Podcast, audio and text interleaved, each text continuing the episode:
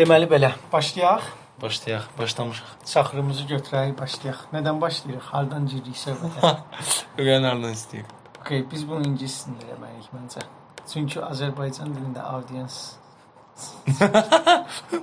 O şeydən sən bunu indi hal-hazırda podkastda. Okay. Um, O şeydə dil problemi, yəni bunu ə, nətər deyim? Okay, Çox tamam. böyük problemdir. Dil problemi. Dil problemi deyəndə, yəni hal-hazırda ya Azərbaycanca, ya ingiliscə. Şeyə belə müsbət cəhətlər Azərbaycanca eləmək və ingiliscə eləmək. Yəni bir spesifik Hə, olaraq da. okay. Ə, Azərbaycanca eləməyin müsbət cəhətləri odur ki, birincisi rahat olursan. Yəni Okay. öz, belə deyək də, fikirləşdiyin dildir. Okay, mənim üçün, sənin üçün yəqin ki, ustadır, amma yəni daha rahat hiss edirsən özünü, daha informal istəyirsən. Ə, 100%. Mənfi cəhəti o ki, bəzi bəzi yox, bir çox söz var ki, onları Azərbaycan dilində tapmaq çox çətindir. Yəni həqiqətən çox çətindir. Və bəzi sözlər var ki, onları tapsan belə eyni mənanı versə də, yəni eyni cür effekt işdə olmur da yəni. Ə, Odur problem. Mən məsəl üçün şeydən ə, qorxuram ki, tutalım nəsə çox kobud bir səhv filan eləyərəm. Mhm. Azərbaycanca danışanda.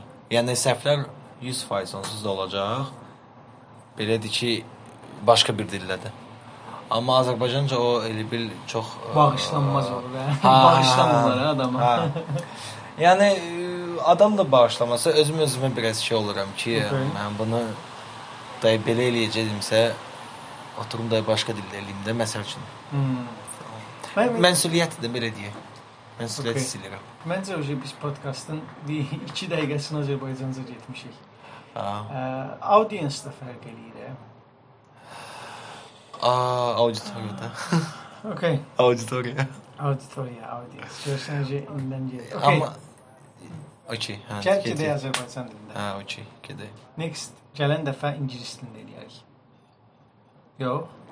Olar, fərqi yoxdur.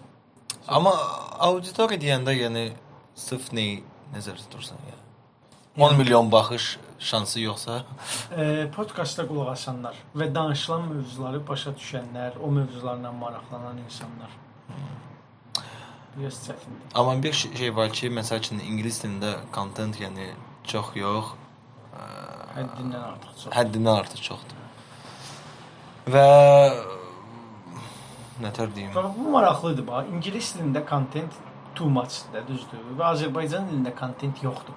Mənim təcrübəmdə belə bir şey var ki, mənə hansısa məlumat lazım olur, düzdür? Girəm o məlumatı axtarıram. İngilis dilində istədiyim kontenti tapmağım mümkünsüzdür bəzən. Çünki o qədər kontent var ki, sən onu simply filtr eləməlisən də, axtarmalısan ki, axtardığın İngilis dilində Hə, yoxsa? İngilis dilində. Okey. Yəni trash content is, is a lot. Yəni zibil kimi də content. Axtar axtar. Ha, 100%. Hə. Azərbaycan dilində isə demək olar ki, yoxdur. Və bir çox mövzularda demək olar ki, yoxdur. Yəni çox xırda mövzularda belə yoxdur da.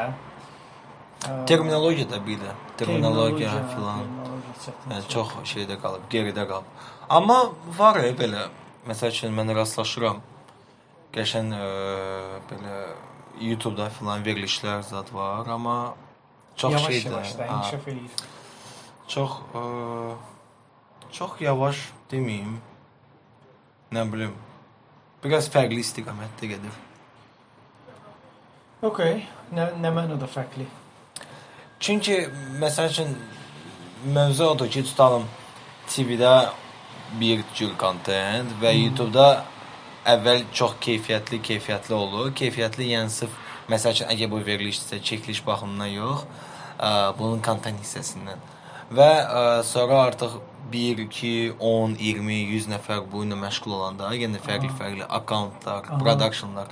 Bu uje məsəl üçün bu artıq ə, çəkiliş ə, keyfiyyətinə də belə deyə də, yəni ə, onun keyfiyyəti qalxır. Qalxır. Hə, Ha, rəqabət amma eyni vaxtda məsəl üçün yəni YouTube-da girsən trendinqə baxsan, yenə vəziyyət şeydir də. Azərbaycan trendingi vəziyyət ha. Tək Azərbaycan trendinqdən söhbət getmir, amma yəni nə bilim. Yəni məsəl üçün maraqlı verilişlər var. Amma həmin gün yəni bozbaş çıxsa, yəni bir həftəlik trendinq. Bozbaş vurub. Hə, bozbaş gəlmiş. Əslində orada mən 2 dənə faktor görürəm. Birincisi şeydir, trash hər yerdə həmişə trenddədir. Fərqi yoxdur. Yəni Doğrudan, Amerikasında, Avropasında, yəni ən ən educated, də, yəni ən təhsilli, ən inkişaf eləmiş cəmiyyətlərdə də pis gündə, yəni pis gündə yox, bayağı kontent Hə, trendə bayağı. düşür. Amma Azərbaycanda nədirsə, yəni kontent biraz ekstra bayağıdır. Yəni Hmm. e, keyfiyyətli kontent trendə düşməyi çox tək hallarda olur. Və keyfiyyət nəyə deyirsən, o da azalır da. E, məsəl üçün ingilis dilində kontent okey, bəlkə də çoxun xoşuna gəlmir, amma məsəl üçün Joe Rogan podkastında mən ona qu- qulaq asıram, çox maraqlı insanlar gəlir, danışır və çox maraqlı mövzular ətrafında müzakirələr gedir də.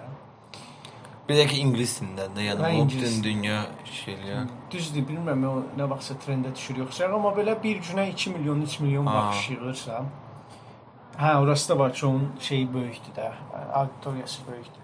Bütün Amerika, i plus Britaniya filan zad. Yəni yəni ümumiyyətlə də kim nə ingilis dilində axtarır. Aha. Şeydə Spotify-da podkasta girən kimi yəni ilk Joe Rogan sən göstərir. Joe Rogan Google Podcast'a Joe. Rogan podkastını Hə, alıb o heç. Amma məsəl üçün Google podkast olsun filan, yəni sənin top trendingləri göstərir və ilk 5-likdə yox, 3-lükdə mən Joe Rogan-ı görürəm. Rogan dəfə. partladır da Joe Hə, artıq podkastın sinonimudur yəni Əcəlaf. Joe Rogan podkastın bəlkə də elə innovatoru, yəni birin, birinci eləyən yox, yəni drive eləyəndə, yəni inkişaf Hmm. elətdirən, mi, trendə salan Rogan oldu. da, podkastları, hə. Yəqin ki. Mən onun özünün bir podkastda qonaq olduğuna qulaq asmışdım. Yəni başqa bir podkastda qonaq getmişdi Joe Rogan. O həm öz həyatını danışırdı, həm də bu podkastı necə elədiyi də. Maraqlı tərəf nə idi ki, deyir ki, yəni, mən bu podkast məqsədini eləməmişdim də. Mən sadəcə maraqlı idi, oturum kimləsə söhbət edeyim. Otururdum, kimsə qoyurdum 2 saat, 3 saat mövzular ətrafında hə, müzakirə edirdim və Sadəcə bunu rekord eləyib qoyurdum YouTube-a. Yavaş-yavaş, yavaş-yavaş böyüdü. Maraqlıdır. Hər maraqlıdır. Bir də mənə ən maraqlı nə gəlir orada? Hər tərəfdən insanlar çağırır da. Məsəl üçün bir gün psixoloq çağırır, bir gün Ha. nə bilim bioloq çağırır, bir gün MMA fighter çağırır, nə də idmançılar, nə. Əslində Rusiyada bir dənə e, şey podkast var. Adı Kuji podkastı. Deməli orada məsələ necədir? Biri e, bir bunu elə bir prodüser eləyən, prodüser eləyən stand-upperdir. Qaraş özü. Timur Karginov. A, Asetiyalıdır. Nəysə, i o illərini axtarırdı ki, mən kimlə kimlə eləyim. Deyir ki, mən stand mənim də ətrafım deyir ancaq şeylər idi də. Stand-up falan ora bura. Deyir ikimiz oturanda alınmırdı deyir. O zarafat eləyir, mən zarafat eləyirəm. yəni gəlib bir ortaq şeyə çıxmır. Ya axırda bu bir dənə hansısa radioda şeydə bu ə, qaraş fizika idi nə idisə, bu ilə söhbətləşir, bu ilə test eləyib və oyuna başlayıblar. Bizə hələ Çingiz onu ə, o podkast haqqında danışırdı. Biz əslində podkast mövzusu öz onsuz da özümüzdə çoxdan gəzirdi. Amma oradan ilhamlandıq ki, yenidən ə, bəlkə eləyə, eləməyək. Çünki format əslində Joe Rogan-dan oxşardı. Əslində format deyəndə stoldur, mikrofonlardır. Yəni podkast Hə, podkast, hə, podkast qanunu. Fərqi yoxdur. Amma podkast ə, qanunu demişkən şey deyim. Ə, nə onu nəyə gətirirdim? Orada yəni gətirdiyi adamları ötən səfər şey gətirdilər. Bir dənə qız gəldi. Qız yəni koronavirus haqqında 5 dəqiqə, yəni simple 5 dəqiqə və hər şey izah elədi. Yəni mən 4 ay oturub mediada, yəni 1000 dənə şey oxudum. Heç nə başa düşmədim. 5 dəqiqə hər şeyi izah elədim. Belə ümumən çox maraqlı idim. Amma şey ə, özü də podkast mövzusunu challenge eləyir qardaş. Deyir ki, ə, biz deyir video çəkirik də, bunu paylaşırıq. Amma podkastın mövzusu odur ki, o səs hardansa gəlir də. Yəni bir 21-ci əsrin e, radiosu demirlər. Və onlar son zamanlar şey başladılar eləməyə. Məsəl üçün əvvəl Spotify-da çıxır, SoundCloud-da, nə bilim Yandex Music-da, sonra YouTube-da məsəl üçün. Bir gün gec falan ki, a- əsas auditoriya ora keçsin. Aha, audioya keçsin. Maraqlı Ha. söhbətdir. Bir bir bir söhbət eşitmişdim ki, bu podkast insanların hansı ehtiyacını hər, hərdən ödəyir. Ə, məsəl üçün 1000 il bundan falan qabaq, hə. 1000 il bundan əvvəl falan ə, insanlar yəni oturubdular necə deyirlər, meşədə ya kənddə ə, və o alov ətrafında saatlarla müxtəlif mövzularda müzakirələr aparıbdılar. Ə, bu yəni həmin müzakirələr 2 saat, 3 saat çəkib və sadəcə insanlar danışıblar da bir mövzudan o birinə keçiblər və s. Bu mövzuları indi 21-ci əsrdə yəni texnologiya bu podkast yəni həmin həmin formata qayıdır da, yəni sadəcə iki insan oturub 2 saat, 3 saat möv mövzu ətrafında müzakirə eləyir və bu bir tərəfdən nəyə görə belə surprising də, yəni adamı sürp sürprizləndirir. Çünki TV dövründə, radio dövründə belə bir şey var idi ki, insanlar ancaq qısa şeylərə baxırlar. Ə, məsəl üçün TV-də hansısa hmm. müzakirə varsa, o müzakirədə hər insana, yəni 2 dəqiqə, 3 dəqiqə vaxt verilir ki, o öz fikrini ifadə etsin də. Tutaq ki, çağırırlar kimisə 3 dəqiqə vaxt verirlər, deyirlər ki, nə bilim, ə, tutaq ki, deyirəm də, Amerika ilə Rusiya arasındakı geopolitik vəziyyəti izah elə. Yəni 3 dəqiqə bu mövzunu necə izah hə, edəcəksən? 100%. Həmişə də arqument gətirirdilər ki, insanlar uzun mövzulara və yaxud uzun kontentə maraqlı deyil. Amma yəni podkast o stereotipi qırdı da. Yəni gördük ki, əslində insanlarda 2 saatlıq mövzulara 100%. maraq var və insanlar belə mövzulara az. Mən əslində yeri gəlmişkən bu podkastda hardan belə mən biraz yaxınlaşdım. Deməli karantin vaxtların ilk həftələridir. Evdə filan oturub, yəni artıq evdən işləyirdik və mən hiss elədim ki, ə, yəni hər şey bağlıdır şəhərdə, hər şey. Ə, heç nə işləmir. Hmm. Söhbət indi Bakı şəhərinə getmir. Bakı şəhərin Bakıda biraz bu 1 3-4 həftə gec baş verdi. Ya da nə bilim 2-3 həftə. 2-3 həftə 2-3 həftə gec baş verdi.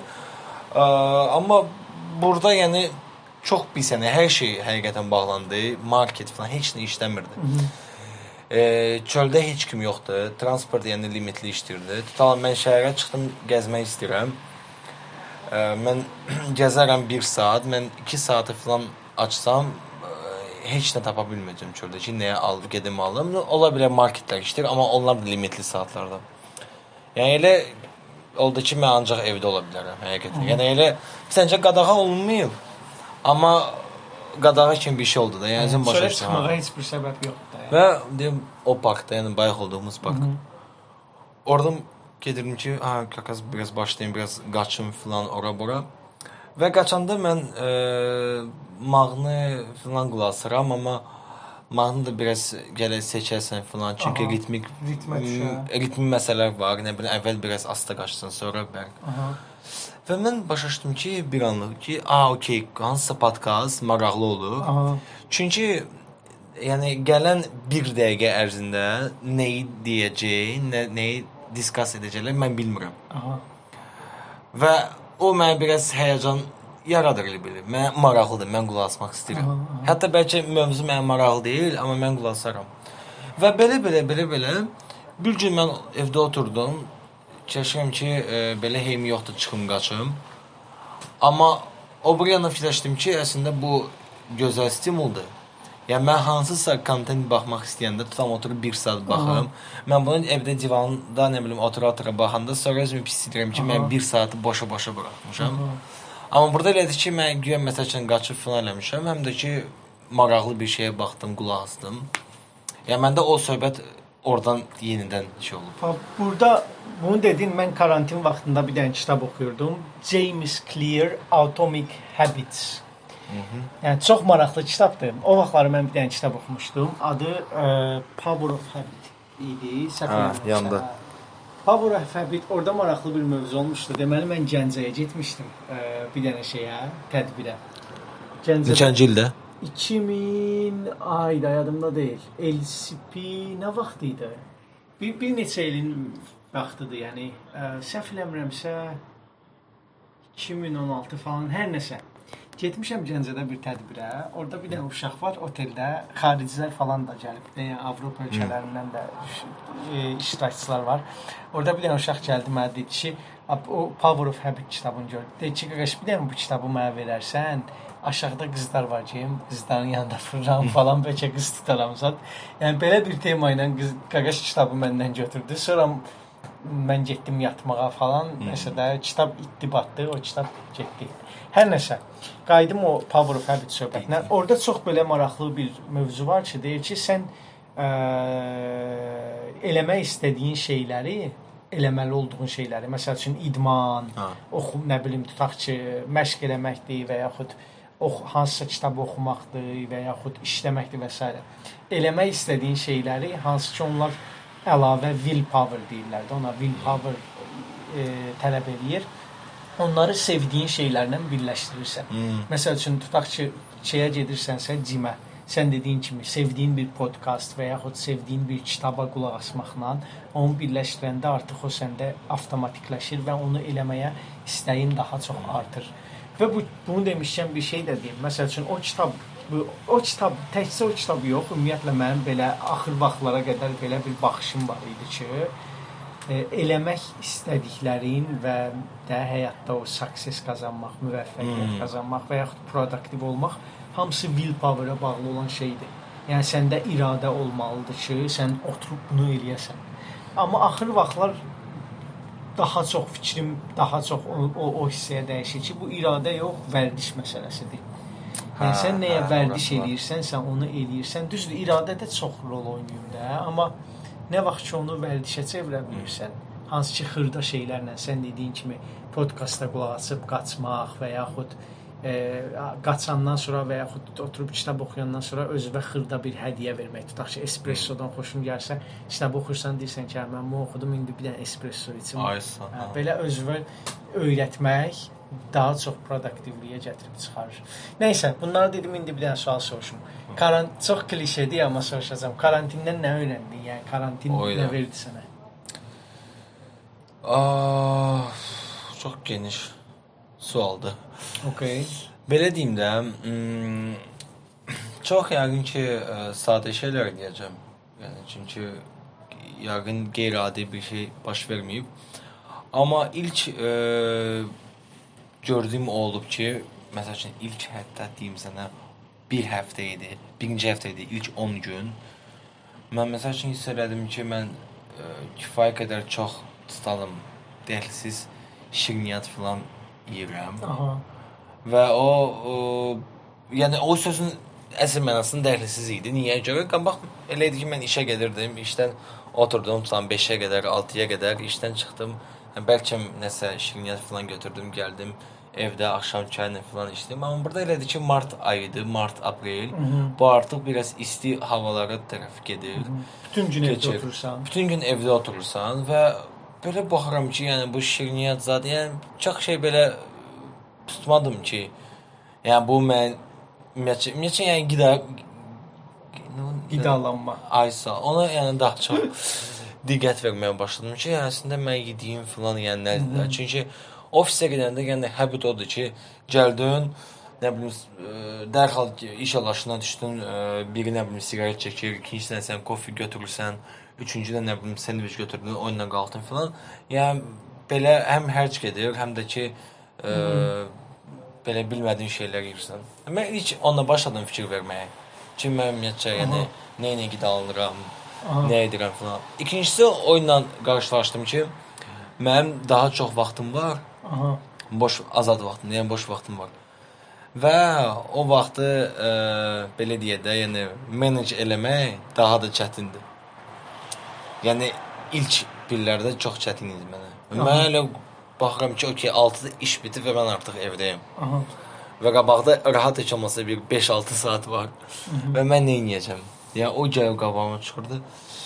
Ha, və asta-asta başladım özümə nə bilim iş filan nəsə tapmaq. İş filan tapmaq deyəndə ə, onsuz da elədiyim eləmək ə, istədiyim istədiyim işlər var. Sadəcə bunu artıq cədvələ filan qoymalı olursan. Yəni daha çox bəlkə ə, müəyyən işlərə struktur ə, yəni structure Structure, struktur verir. yanaşmanı bəlkə e, şeydir. Biraz məsəl üçün mənim maraqlı oldu ki, yəni gedim yenidən qaçım filan ora bura. Şeylərlə. Amma ən ən böyük şey yəqin ki, vaxta dəyər vermək. Həqiqətən. Çünki mən bir an başa düşdüm ki, okey, əslində biz evdə oturanda, evə keçəndə ə, karantin filan məsələsi başlayanda mən fikirləşdim ki, 2 həftə, maksimum 3 həftə biz qayıdırıq ofisə. Aha. Yəni mənim Hə. mənim gözləntilərim belə idi. Məndə də elə idi. hə. Çünki bizə dedilər ki, hə, nə bilim, qonşu ofisdə bir nəfər tutuldu filan. Dedim ki, okey, o bina yəqin bağlı olacaq. 2 həftə, 3 həftə vurtut mayda biz ofisdəyik. Yəni mənim gözləntilərim o deyildi ki, biz mən yəni ki, ilk ay oldu ki, aha biz 1 aydır evdəyik filan. 2 ay və onda mən başa düşdüm ki, ə, müsbət cəhətlər çoxdur. Yəni mənim məsələn evdə oturduğum, mənim yəni ə, artıq müəyyən bir yeni komfort zona yaranmışdı da. Və vaxt dəyər məsələsi başa düşdüm ki, bu mənim vaxtım varsa, bunu 100% dəyərləndirməliyəm. Maraqlıdır, maraqlıdır. Məncə məndə məndə də elə keçdi. Ümumiyyətlə ilk 2 həftə biraz xaos oldu. Sonra Moncu Zəmbəla ilə yığdım, yığışdırdım. Sonra başladım produktiv olmağa, çoxdan eləmək istədiyim işlər eləməyə. Bir kitab var idi, onu ikinci dəfə oxudum falan. Belə maraqlı söhbətlər oldu. Amma məncə ümumiyyətlə mənə karantin şəxsən mənə mənə nə verdi? Onu fikirləşirəm ki, karantin eee onu fikirləşirəm deyəndə, yəni oradan burdan da oxuyuram, yəni tək özümün gəldiyim fikir deyil. Ə, amma odur ki, karantin bizim ə, ingilis dilində o fragility-də, fragile, yəni nə qədər həssas olmağımızın testidir. Yəni sən əgər karantin dövründə karantin dövründən daha pis çıxmamısansa və Ha. daha yaxşı çıxmısansa, bu sənin nə qədər xaosa, gözlənilməzliyə və o uncertainty, gözlənilməzlik, xaos sa nə qədər hazırlıqlı olduğun bir şeydir, göstəricisidir. Okay. Həm individual kimi, həm Hmm. cəmiyyət kimi, həm də ölkə kimi. Əgər sən işini itirməmisənsə, ə, vərdişlərin ə, daha yaxşıya doğru gedibdisə, qidalanman, ə, ondan sonra məsəl üçün oxuduğun kitablar, nə bilim, xərclədiyin pul, nə bilim, ə, dost tanışla olan münasibətlər və s. və s. də sağlamlığın ən vacib şeylərdən biri. Əgər bunlar Həqiqətən. daha pisə getməyibdisə, ən azından olduğu kimidirsə və daha yaxşı gedibsə, bu çox yaxşı bir indikatordur və bu indikator məncə karantindən qıraq, yəni ümumi həyat həyat üçün nəzərə alınmalı bir şeydir. Çünki biz o qədər rahat dünyada yaşayırıq ki, hərdən elə bilirik ki, elə həmişə belə olub, həmişə də belə olacaq. Heç vaxt başa düşmürük ki, gözlənilmədən hər şey asanlıqla alt-üst ola bilər. Və ona hazırlıqlı olmaq məncə çox yaxşı bir şeydir. Doğrudan da yəni birdən-birə hər şey şey oldu. Alt-üst. Bağlandı, alt üst oldu. Çünki mən məsələn Bakıya uçmuşdum demək olar ki, ə, səyahətlərin bağlanmasına bir 2 həftə əvvəl mən Bakıda idim. Shit. Və mən ə, müəyyən nə bilim işlərim falan var idi. Kağız göz keçdim ki, bəlkə bir həftə qalım, sonra qayıdaram. Düzdür, yəqin ki, qalıbsaydım yenə də qayıda bilərdim, amma a, bizdə işlə bağlı müəyyən səfərlər var idi və yəni 4 gün qalmış mən artıq deyirlər ki, yəni bura getmə də şeydi, bəlkə bağlandı sərhəddə falan. Mən heç inanmırdım. Və 2 gün qalmış, ə, yəni ə, biletlər belə belə deyək, özləri ləğv olundular çünki sərhədlər bağlandı. Hmm. Amma mən şok düşmüşdüm ki, yəni yandan da şey otururdu ki, yəni bu gün Almaniya bağlandı, bu gün Belçika nə bilim, bu gün Macarıstan, bu gün o bu. Ölkələr bir-bir bağlanırdı. Nə məncə bundan sonra şey olmayacaq. Belə ölkəni çox pis bağlamaq. Yəni çünki bu səfər elə oldu ki, bizdə ə, biz bir eventə gedirdik, şey, tədbirə gedirdik Hamburg şəhərində, Almaniyada. Və ə, elə oldu ki, fərqli ölkələrdə oldu. Ə, bizim iştirakçılarımız, bizim founderımız İlbil e, Ukraynadan uçurdu. Bakıdan Ukraynaya, oradan Hamburqa getməli idi. Digər iştirakçımız isə dərhal, yəni Azalla deyəsə ya da bilməm nə ilə Berlinə uçmuşdu. Və o qız məsəl üçün Berlində qaldı və hələ də ordadır. İndi düzdür, bu yaxınlarda artıq müəyyən reyslər falan var və bir də ki İstanbuldan falan qayıda bilər. Amma həmin an elə olmuşdu ki, sən turistik viza ilə falan gəlirsən və sən qayıda bilmirsən. Aha. Çünki biz sərhədlər bağlıyıq və budur belə. Amma məncə bundan sonra artıq praktika var deyənə Mhm. buna nəsə asanlaşdıracaqlar yəni. Get get gəl olacaq. Get gəl hə, get gəl. Əgər 100%. məcburidirsə olacaq, amma mən bilmirəm. Mən nəyi fikirləşirəm? Bir tərəfdən fikirləşirəm ki, bu virusun yayılmağı ona görə azalıbdır ki, məndə var elə. Bir tərəfdən fikirləşirəm ki, virusun yayılmağı ona görə azalıbdır ki, istidir və belə bir ə, teori, nəzəriyyə var ki, ə, günəş şüaları virusun yayılmağının qarşısını çox güclü alır. Ə, ona görə də məsəl üçün ola bilər ki, günəş şüası azalanda, bir də vitamin D-nin çox. Hə, vitamin. Hə, ola bilər ki, bunlar azalanda ə, payızda təzədən qalxsın. Bayzı bəy, burada bir dənə gülməli əhvalat danışım. Deməli, Trump ə, bu virusun təzə vaxtlarında demişdi ki, ə, bu biz işığı necəsə ultra işığı, ə, ultra light idi, nə idi, yadımda deyil dəqiq. İnsanların ağciyərinə sala bilsək, virusu öldürə bilərik. Okay. Və bütün media falan dəli olmuş ki, ay Trump deyir ki, lampaları boğazımıza, e, ciyərimizə falan salın. Zir Ha, 5G söhbəti oradan gəlir. Bəlkə də. Amma sonradan əslində belə bir söhbət də oldu. Twitterdə bir biznes var idi. Onun akkauntunda bağladılar. Elə bildilər ki, həmin biznes Trumpın trollarıdır da. Amma əslində o biznes hardasa bir 2-3 ildir startapdır. Onlar doğrudan da araşdırırlar ki, elekt nə idi? Yəni o elektrik o şüaları hansısa bir yolla insan ağciyərinə salırsan. For sure, yəni əlbəttə ki şeydə ə, sağlam bir yolla, Okay, okay. safe. 100%. Hə, necəsə o, o- şüaları insan ağciyərinə salıb mikrobları öldürə bilərsən həmin şüalarla.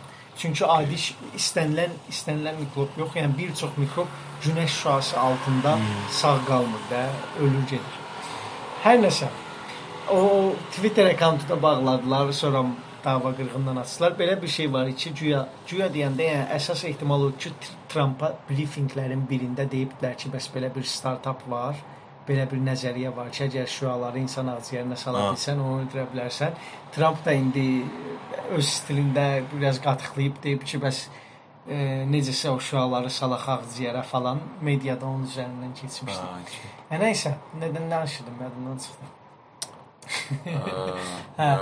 Ə, deməli Bağlanmaq, bir- hə, hə, sərhəddə. birinci ondan qorxuram ki, paizdə arta bilər də. İkinci məsələ də odur ki, bu açıq havada o qədər çox yayılmır.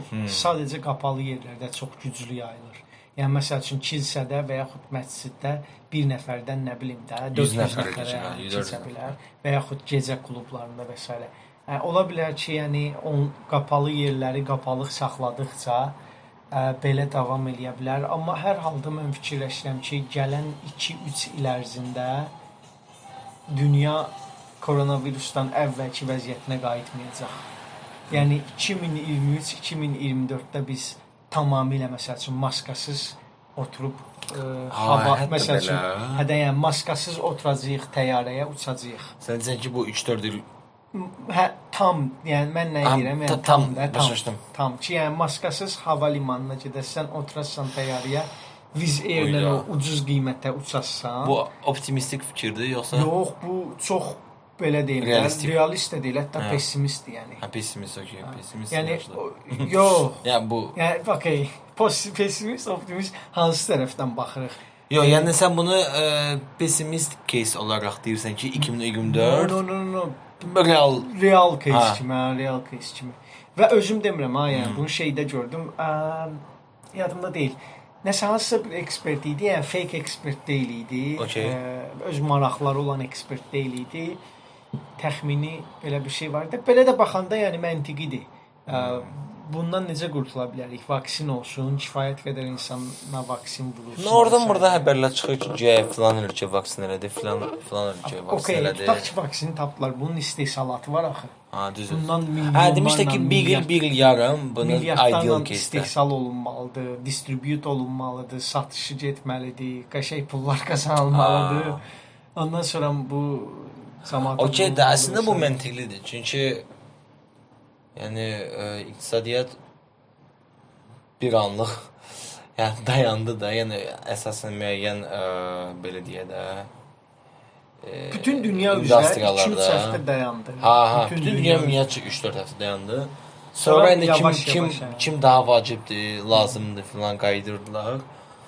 Amma ölən sektorlar da var da. İnsan üzərində mövzu odur ki, ola bilər ki, sən fikirləşdiyin kimisə s- gələn 3-4 il ərzində yəni bu payback olacaq da. Yəni sən necədir? Həmin bizneslər o qazanmadıqlarını ə, elə bil Covid-dən sonra recovery period kimi adlandırıb nə tərsə pulu qazanıb özlərini ə, düzəldəcəklər, yəni öz vəziyyətlərini. məncə bir çox biznes yəni yoxa çıxacaq bu müddət. Məsələn? Məsələn, bullshit üzərində, bullshit üzərində qurulan bizneslər. Ə, çoxdur yoxlar. okay, ə, məsələn, bax turizm sahəsində 100% bir çox şirkət artıq gücü olmayacaq ki, qayıtsın bazara. Ya qayıtmayanlar var artıq. Hə, yəni artıq bankrupt gedənlər var. Ə, turizmdir, transportdur. Transport sahəsində bir çox şirkətlər Hmm. Niyə gedəcək. görə?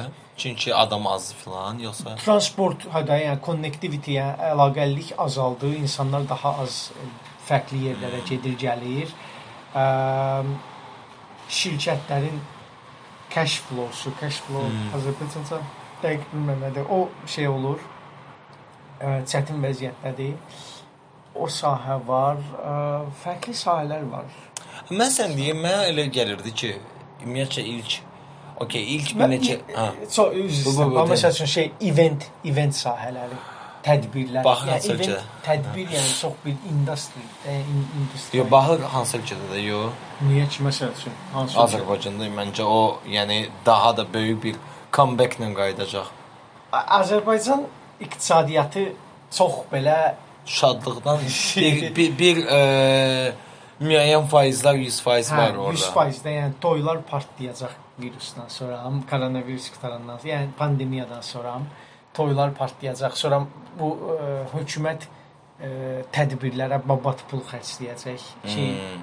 təzədən Ha, ki, belə deyək, iqtisadiyyatı bir balaca canlandırsınlar falan, amma Azərbaycan iqtisadiyyatı yəni normal model deyil də bu haqqda fikirləşmək üçün. Yo, o heç. Məsəl üçün Avropa tərəfdən fikirləşsən və yaxud Amerikadan fikirləşsən yüzlərlə, minlərlə tədbirlər var idi ki, yəni mənasız tədbirlər idi. Sadəcə 5 ulduzlu oteldə yığılırdı hamı, Ha.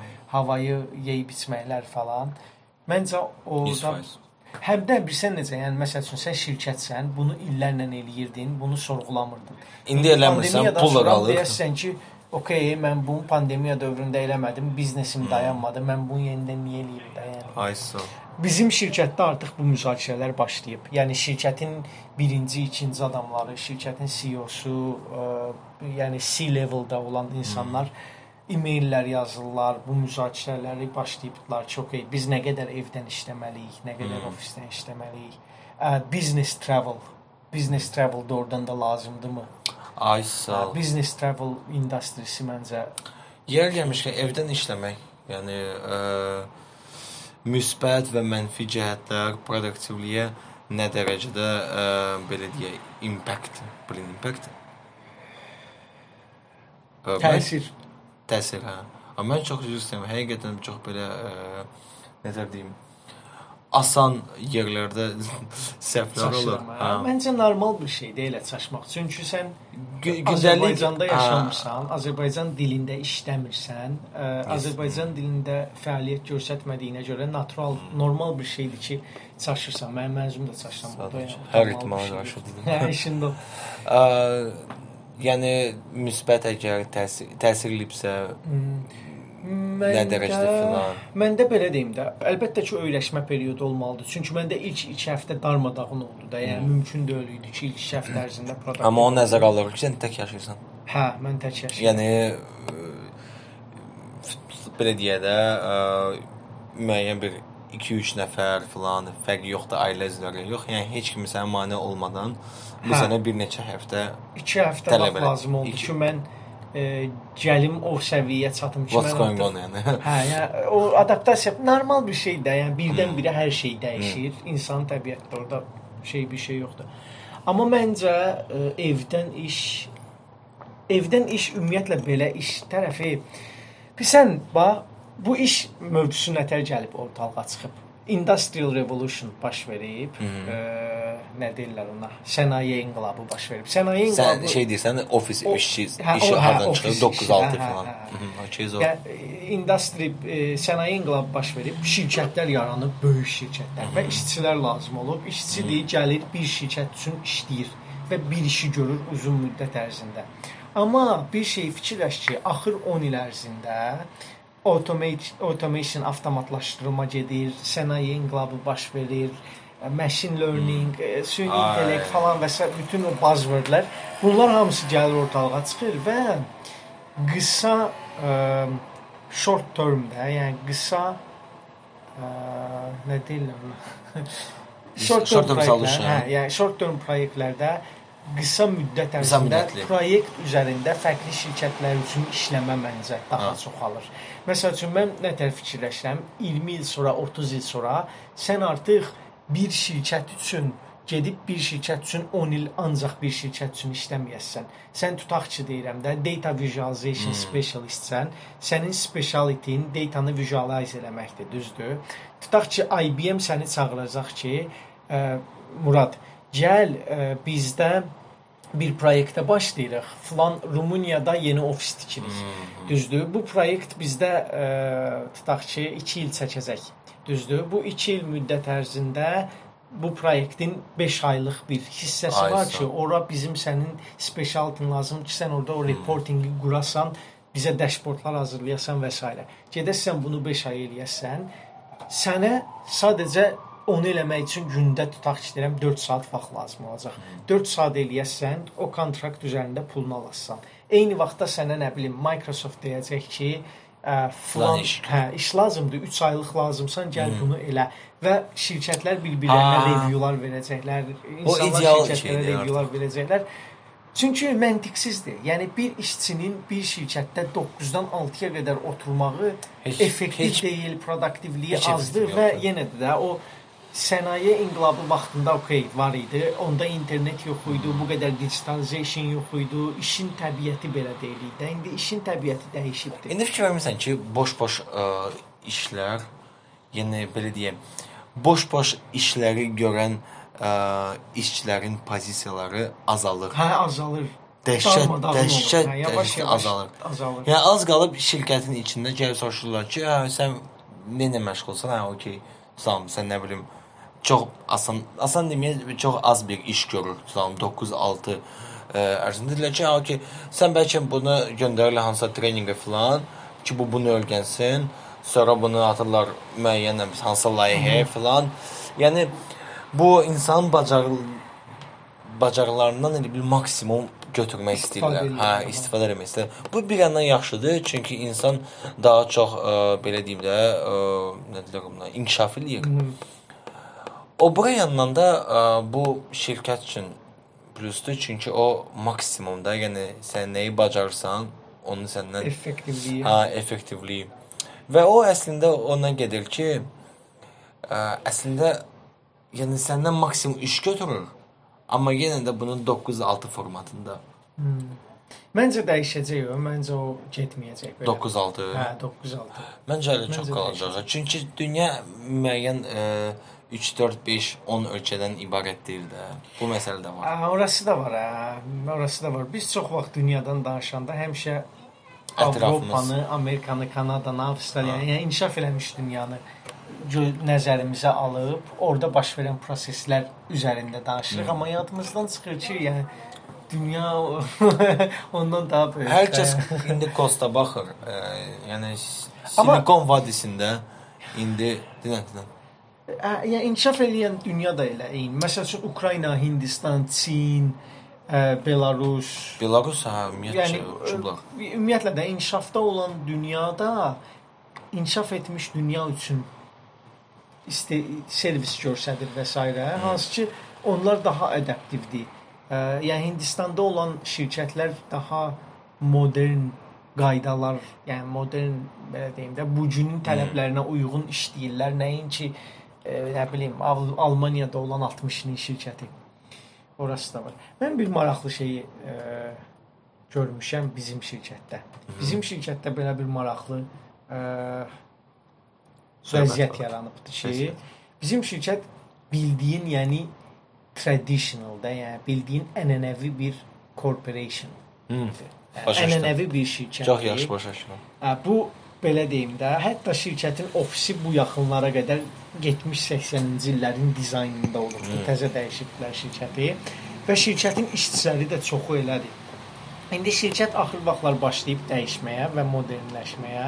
Ona görə yeni cavan adamlar falan işə götürür və s. və belə bir vəziyyət yaranıb ki, şirkətdə bir qrup var. Bu qrup qocalardır. Yəni köhnə generationda keçmiş bizdən əvvəlki nəsildir.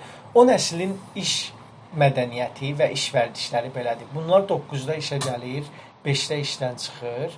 Çox çildilər. Yəni çox yavaş-yavaş işləyirlər. Ə, gedirlər məsəl üçün günorta yeməyi vaxtı, nə bilim saat yarım, ondan sonra bir yarım saat kofe içirlər, bir-birlərinə söhbətləşirlər. Sonra tətilə gedəndə bir aylıq tətilə gedirlər, heç e-mailə bir də baxmırlar falan. Belə kef edirlər də belə pis çıxmasın. Və bu insanlar məsəl üçün bir pozisiyada bir adam 10 il fəaliyyət Ha, göstərir. Yəni belə bir e, Qorxuram elə söhbətlərdən. Hə. Bu bu birinci generationdır. Düzdür? İkinci generationsa bizik, yəni bu yeni işə götürülən uşaqlardır, əjdaha uşaqlardır. Yəni işləyirlər, qəşəng işləyirlər. Demirəm özlərini öldürürlər, toksik deyil, yox, amma işləyirlər, yaxşı tez öyrənirlər, tez-tez iş dəyişirlər, tez-tez pozisiya dəyişirlər və tutaq ki, proqramlaşdırma dillərini bilirlər, fərqli dillərdə danışırlar.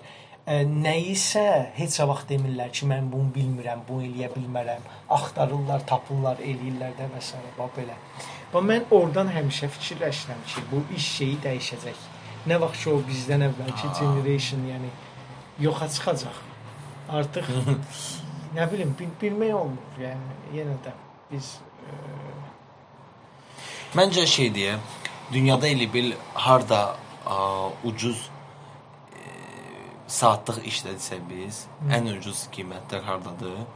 Bütün inkişaf etmiş ölkələr ora qaçacaq. Hal-hazırda məsəl üçün mən baxıram, Silikon vadisində vəziyyət elədir ki, oradakı olan tutan baba startaplar filan, yox, ümumiyyətcə belə necə baş verir də? Ə, biz belə deyək, köhnə Sovet ölkələri nəzərə alsaq, kimsə startap filan elədi, investisiya aldı, köçdü US-ə ya da ki kimsə fərqli səbəblərlə ora köçdü, işini başlayıb. Və ilk ilk ağlına gələn odur ki, bu qısa bir zamanda böyük bir pul qaz- qazanmaq istəyir və əlbəttə ki, az pul xərcləmək istəyir. Əsasən ilk pillələrdə və ə, başlayır və bunun bütün dost tanışı əlbəttə ki, bunun çıxan ölkədəndir. Məsəl üçün ən belə populyar olanlar Rusiya, Ukrayna, Belarus, sırf e, texniki tərəfdən orada yəni e, World of Tanks filan bütün bu ölkələrdən çıxıb Belarusdan deyəsəm. Hə, Hər nəsə. Ha oradan çıxır Ha, tapır developerlar filan, yəni eyni işi Silikon vadisində nə bilim hansı junior, senior developer ayına 10 min dollar alırsa, həqiqətən yəni 10 min dollar. Belarusda əlbəttə ki, sən bu adama məsəl üçün vur tut maksimum 2000 dollar verirsən, bu sənin üçün yəni gecə gündüz işləyir. hə. Yəni oturub da deməyəcək ki, yəni bu 6 bitib mən çıxıb gedirəm. Və artıq bu cür biznes başlayıblar outsource kimi. Yəni oradan işləyib, hə Belarus falan e, mən şey baxmışdım, intervyu qarşılayır ki, yəni bütün Belarusun yarısı iqtisadiyyat eləsi şey yoxdur, amma pul hamısı xaricdən gəlir ora. 100% var. Sən Hindistanda, mən Hindistanda Hindistan heç hə. Hindistanda olanda Beng Bangalore deyirlər də. Bangalore Ha. getmişdim. Ora Hindistan da, Silicon texnologiya. Valley deyirlər. Hə. Bilirsən necədir? Gedirsən belə ərazidir, nə bilim, nə boyda ərazidir də. Tutaq ki, Bakı ilə e, müqayisə eləsən, e, hesabına götür 28 bulvar, Targovu, hmm. yəni belə də mərkəz. Okey, okey, böyük. Bu boyda yəni çox böyük bir ərazidir və ard-arda şirkətlərdə, yəni ofislər böyük-böyük ofislərdir, yəni zırpı binaları, kampusları və s. və hamısı hamısı bir mənalı olaraq Amerikada, Kanadada, Avropada fəaliyyət göstərən bizneslər üçün servis göstərirlər. Yəni Hindistan iqtisadiyyatının ümumiyyətlə böyük hissəsi Hindistanda minlərlə insanın işi qərbə servis göstərməklədir və onlayn. Yəni bizim özümüz belə Ha. mən mənim komandamda bir adam var ki, o Hindistanda oturur, oradan bizə support yəni oradan Bizdə də, bizə servis bizdə də. göstərir. Bizdə hətta şey, ən şey deyim ki, mən bir ara bir iki ilin söhbətidir. Fikirləşdim ki, əsas işdən nəsə belə boş vaxtım olur. Okey, tamam mən qaçım filan nəsə iş görürəm, amma qış gələndə Avropada yəni artıq şeydir də belə deyim, evdən çıxmırsan. Yəni mən noyabrın sonunda evə girirəm axşam və bir də martda filan çıxıram da. Çünki çox soyuq olur. Ə, indi nə bilim qar oldu, olmadı, fərq yoxdur, amma mənfi 5, mənfi 10, mənfi 12 ə, əsasən Azərbaycandan çıxmış adam üçün, əsasən Bakıda yaşayıb, yəni demək olar ki, mənfi nədir görməyən adam üçün biraz kritik məsələdir. Və mən başa düşdüm ki, okey, ya mən nəsə məşğuliyyət tapmalıyam. Və bir ara baxırdım müəyyən freelance işlərinə, Upwork falan. Və orada rəqabət dəhşətdir də, yəni. Sən orada 5 dollar ödəmək istədiyi 1 dollara Hindistanlılar Hə, onu yo, mən mən hətta fikirləşirdim ki, okey, mən bu işi bəlkə 40 dollara falan görərəm.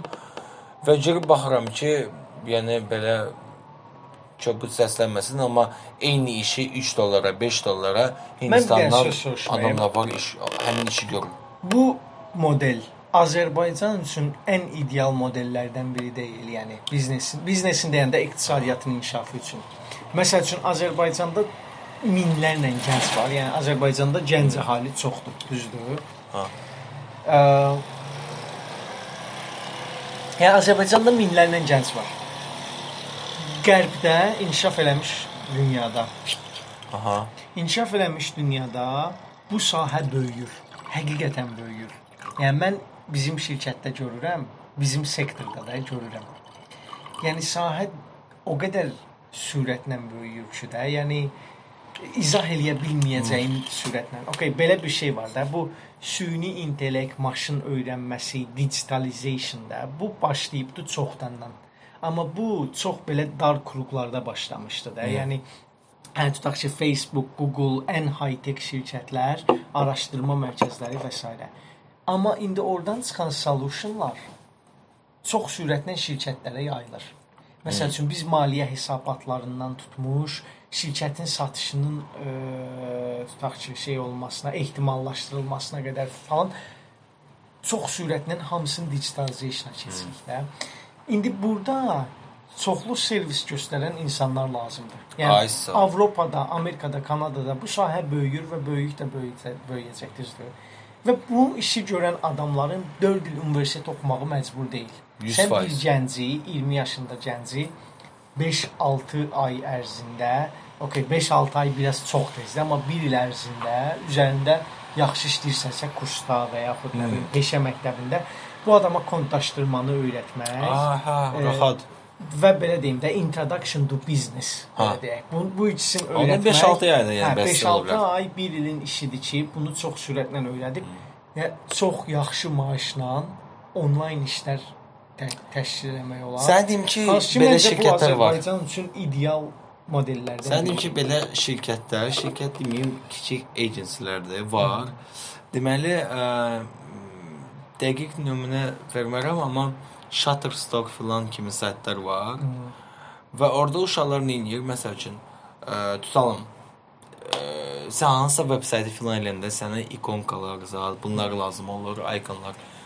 Sən onları axtarırsan, nə bilim, loqo, nə bilim, hansısa şəkil ora bura və bunu sən əgər legal eləmək istəyirsən, heç sonra sənə sayta şikayət Aha. filan gəlməsə, bunları almalısan. Onların qiymətləri çox cüzi olur, nə bilim, 1 dollar filan, oradan buradan. Və ə, uşaqlar var ki, oturur yəni həqiqətən peçat maşını kimi bunları məsələn buraxır. Hə, bunlar sayta qoyurlar və orada satırlar.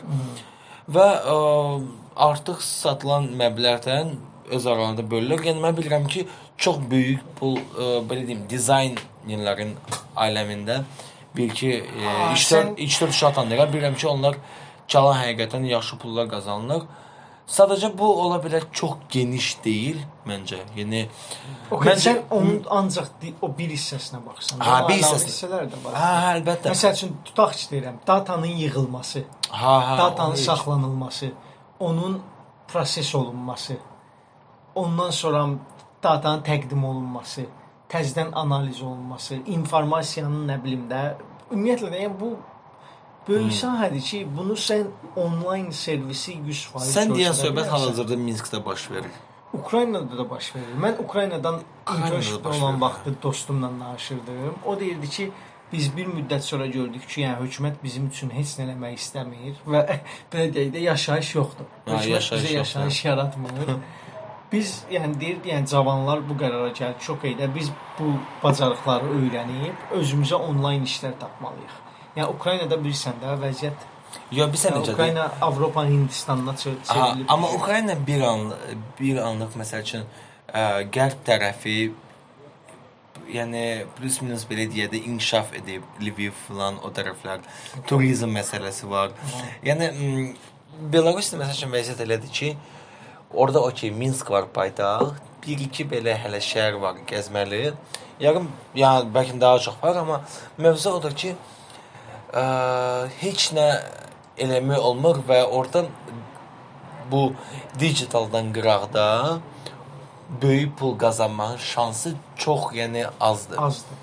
Ümumiyyətcə, yəni ə, pul belə deyə yoxdur. Yəni zarafat sayıq həmişə deyirlər ki, yəni Belarusda kartof var, nə bilim traktor hamı bilir ki, haçansı nəsə istehsal edirlər, bəlkə belə də istehsal yoxdur. Ha, mən Azərbaycanda məsəl üçün çıxış tək bir dənə digital deyil Hə. hal-hazırda. Yəni 10 il bunlara belə olub, indi də bəlkə də 10 il sonra da elə olacaq. Ə, fərqli bizneslərin, fərqli yerlərin Azdan çox inkişaf var. Hə, inkişaf eləyib, yəni belə deyə də sırf iqtisadi baxımdan inkişaf eləyib. Yəni sən ora girişib ə, Nəsə eləyə Hə, bilərsən. pul qazana bilərsən. Məcburiyyət deyil ki, ora çıxasan. Yəni müəyyən pillədə məcb məcburiyyət olub ki, hə, sən kompüterə girişəsən, tutalım nə bilim, sosial mediada ə, aktivlik falan qaldırasan ki, tutalım sənin biznesin gəlirləri artsın. O oldu və onu qısa zamanda hamı tez öyrəndi. Hı -hı. Yəni bir ay belə bəlkə keçmədən də. Ümumiyyətcə çox adaptiv millətdir, mən fikir vermişəm. Ha, 100%. Azərbaycan. 100%. Biz burada çox adaptiv. Ha, biz burada məsəl üçün harasa gedirik. Yəni Budapeşt kimi şəhərdə ekspertlər, yəni turist yox, yəni ekspertlər belə o qədər çoxdur, amma sən harasa girib sənə ingilis dilində məsəl üçün danışmaya bilərlər. Düzdür, bunu mən sırf ə, millətçilik falan tərəfdən baxmıram, servis olaraq baxıram da. O görüşlər ayrıca.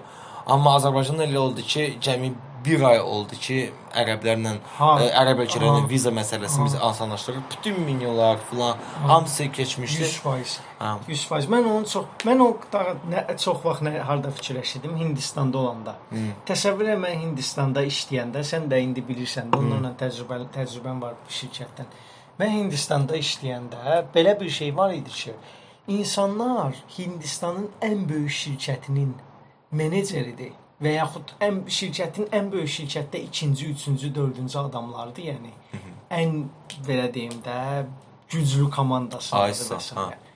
Amma insanlar hələ də köhnə vərdişlərindən hansı ki belə deyim də buna primal deyirlər də ingilis dilində, yəni ibtidai vərdişlərindən əl çəkməyiblər. Yeməyi əllə yeyirlər, Ha. yeməyi yeyib qutarandan sonra barmaqlarını yalayırlar.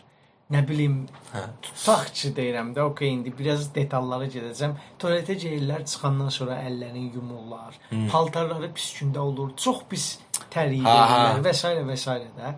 Bizdə olub o insident. hansı ki mən buna dəhşətə gəldim. Niyə? Çünki Azərbaycanda insanlar çox tez dəyişir və adaptasiya olur. Ha, ha. Məsəl üçün Azərbaycanda da hamımız vaxtı ilə, yəni çox uzaq yox, yəni 20 il əvvəl məncə Tamam, demək olar ki, 20 il əvvəl hamı yeməyi əli ilə yeyirdi, nə bilim. Yo, elə deməz. Hamı yox, yəni Ha. böyük bir hissə deyim də, yəni və yaxud nə bilim, e, Yo, bizə necədir? yeni, Yeməyi sən yeni dünyanın vərdişləri ilə- yox idi bizdə. problem yoxdur.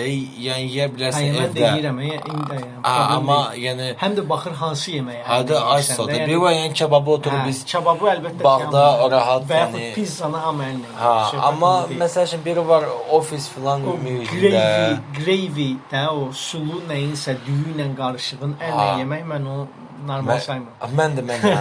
Yox, mən nəyi demək istəyirəm? Mən onu demək istəyirəm ki, Özü də ofis mühitində. sivil dünyanın vərdişlərin biz insanlar olaraq çox tez əldə eləyirik Hı. və özümüzü ona çox tez uyğunlaşdırırıq. Hansı ki Mən o Hindistanda yəni görə bilmirdim də insanlar nə qədər varlansa da, nə qədər dünyanı gəzsə də o vərdişləri qəbul etmirdilər. Onlar sadəcə ayrı da, yəni ayrıca Onlar bir ayrı bir dünyada. dünyadır. Belə.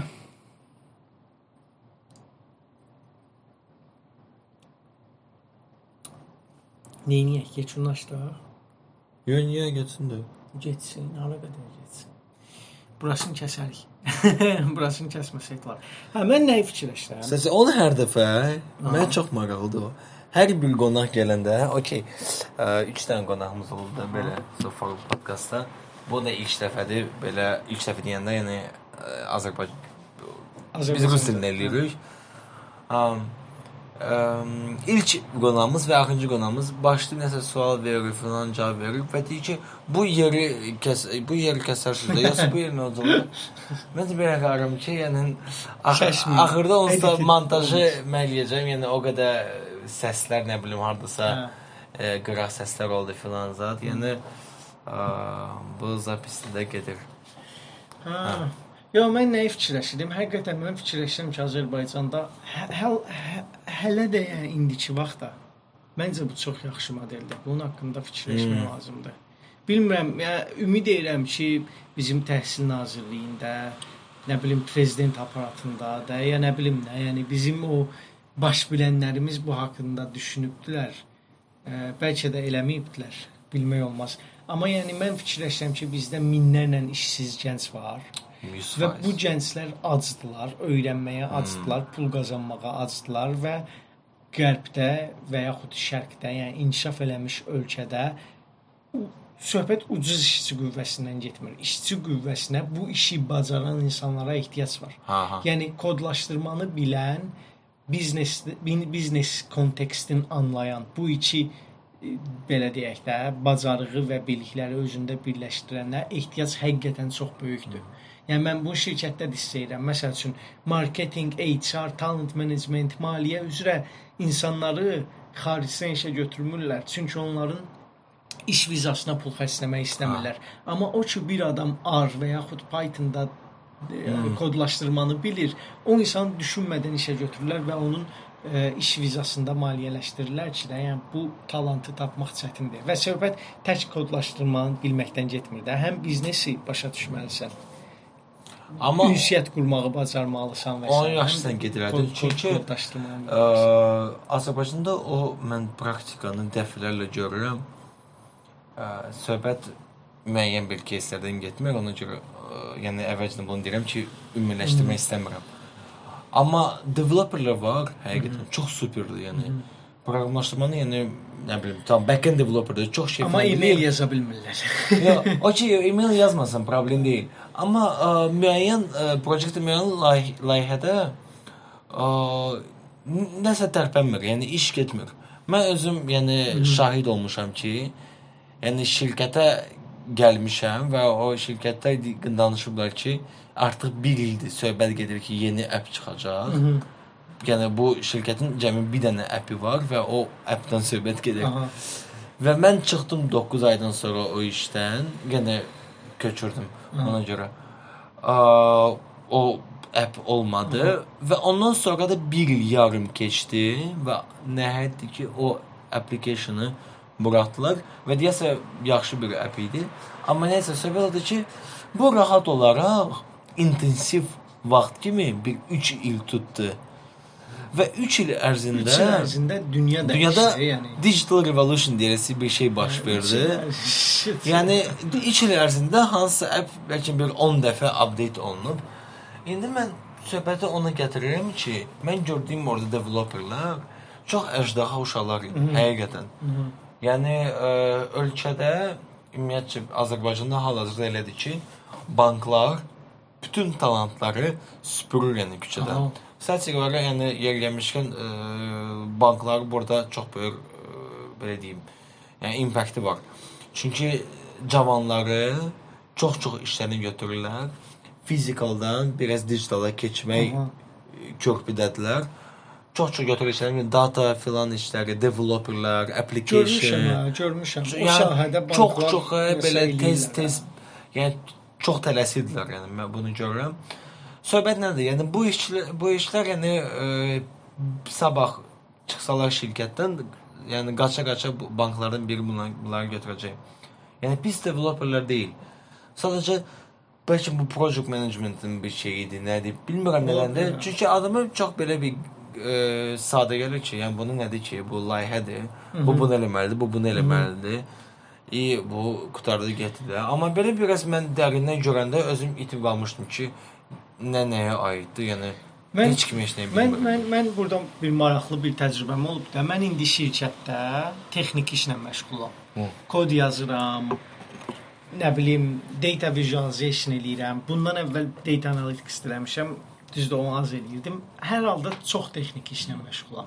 Öz backgrounduma, öz sahəmə baxanda Amma mən bu texniki işə biznes sahəsindən gəlirəm. Yəni mən ISEC-də və yaxud Tata şirkətində olanda Hindistanda və yaxud universitetin özündə də biznes oxumuşam. Mənim biznes təcrübəm var. Maliyyə tərəfdən, talent tərəfdən, nə bilim, insan resursları, marketinq falan. Ən azından konteksti başa düşürəm də. Yəni oradan gəldiyimə görə mən hiss edirəm ki, bu mənə əməlli başlı üstünlük verir mənə işimdə. Çünki məs məsəl üçün də bizim IT departamentində IBM-in bir konsaltanti var. O konsaltanta bəlkə də elə məndən də çox maaş verirlər. Onu ekspert sayırlar, düzdür? Mən onunla hansısa bir proyekt üzərində birlikdə işləyirik. Görürəm ki, yəni adama çatmır da, tutmur söhbəti. Niyə? Çünki bu ancaq texnikidir, yəni kodu bilir. Ha, ha. Bu adama denən ki, yəni bunu belə elə, bu rəngdə elə, belə elə, bu o kodu yazsın sən eləsin, amma yəni konteksti tutmur. Amma o, da yəni yaxşı bir şey deyil də. Əslində ikisini də başa düşməlisən. iki tim olur. Bizdə mən bir dəfə elə bil burada ə, bir şirkətdə intervyuda olmuşam. Və deyiblər ki, bizdə hər şey superdir. 50 nəfərlik bir şirkət idi. Startup idi, amma investisiyalar falan aldı Amerikadan, am- yəni hansısa investorlardan. Hər nəsə. Deyir ki, bizim ən böyük problemimiz deyir. Marketing və IT deyir. İki funksiyonlardır. Bunları birləşdirən bir point olmalıdır. Və o point deyir oradakı olan ə, məlumatları, yəni marketinqdən, yəni ə, çevrilməlidir dataya da. Aha. Və orada IT-nin də, yəni belə deyək də, involvement olmalıdır, iştirakçı olmalıdır. Və mən onda belə oturdum baxdım ki, mən Azərbaycanda bir şirkətdə işləyəndə orada da sırf buna çox böyük ehtiyac var idi ki, bunları birləşdirən. Və burada elə çıxır ki, insan məsələn üçün tutalım ki, bu marketinq və IT-dirsə, insanın yəqin ki, daha çox marketinqdən bildiyi və anlayışı olmalıdır. Üstəgəl IT dilini bilsə necə bilməməlidir, amma başa düşməlidir Aha. ki sabah bu nəsə deyəndə bilsin ki, yox bu belə yox, sən bunu belə eləyə bilərsən. Bilmirəm necədir, amma sən bunu belə eləyə bilərsən. Yəni o turning point odur. Çünki bir məsələn mitinqə filan gəlirsən, bir şey müzakirə edirsiniz, çıxırsa bir həftə sonra qayıdırsan, iki adam bir fərqli funksiyonda, hərəsi bir iş görüb yəni. Aha. Və bir-birinə aid olan deyil. Yəni bunları məcsu ilə yağ kimidir də, yəni başa düşdün qarışmayacaq. 100%. Mən indi onu fikirləşirəm. Məsəl üçün məndə belə bir case olmuşdu. Bir adamla işləyirəm. O adamın heç texniki şeyi yoxdur, ə, backgroundu. Texniki biliyi falan yoxdur. Amma belə biznes olaraq super professionaldır da adam. Mən bununla işləmişəm. Görürəm ki, ə, deməli, bax, Boş ver. hə. Deməli burada vəziyyət nədir? Bu adama izah eləyə bilmirəm ki, texniki düşüncədə belə bir şey var ki, sən nə qədər detal əlavə eləyirsənsə, bir nöqtədən sonra sənin əlavə elədiklərin ə, üstünlüyə gətirib çıxartmır. Daha da daha da sistemi o qədər kompleksləşdirir ki, sən onun belə deyim də e, işlədilə bilməliyin, asan işlədilə bilməliyin, o usability, user friendliness də bunu itirirsən. Yəni bu adama bunu başa sala bilmirəm də. Yəni o, tərəfdən çox vacibdir. Həm texniki, həm də biznes kontekstin olmağı. Bir də ki, hə nəsə deyirəm. Yo, heç nə. Mən qayıdacağam Azərbaycan Ha, söhbətinə. bir də ki design solutions məsələsi var. Mən bu yaxınlarda ə, ona çox fikir verməyə baş vermişəm. Çünki ə, bizdə startapda ki hətta artıq 3 var dizayner çalışan. Amma ikisini həqiqətən çox böyük işlər görmüş adamlardır. Biri Məhəmməddir məsəl üçün Hə, görmüsən. də. tanıyıram. hə. Ha. O uşaq ə, Məhəmməd yəni dizayn məsələsində həqiqətən çox Əjdaha. əjdahadır. Çünki təsəvvür et ki, mən ə, oradakı olan skrinlərə filan indi paylaşımlar olur ə, team arası. Mən sadəcə mənə də aid olmasa belə review baxıram ki, məsələ nədir. Mən dəli oluram ki, bu dizayn artıq çox bir sahəni bağlayıb bir dizaynı daxil edib də. Ə, tutalım mobile application'dır. Bu açdın, girdin burdan, login elədin. Ə, sonra keçid bura oldu, swipe elədin, yoxsa nə bilim, ə, tap elədin, yuxarı qaldırdın, aşağı qaldırdın.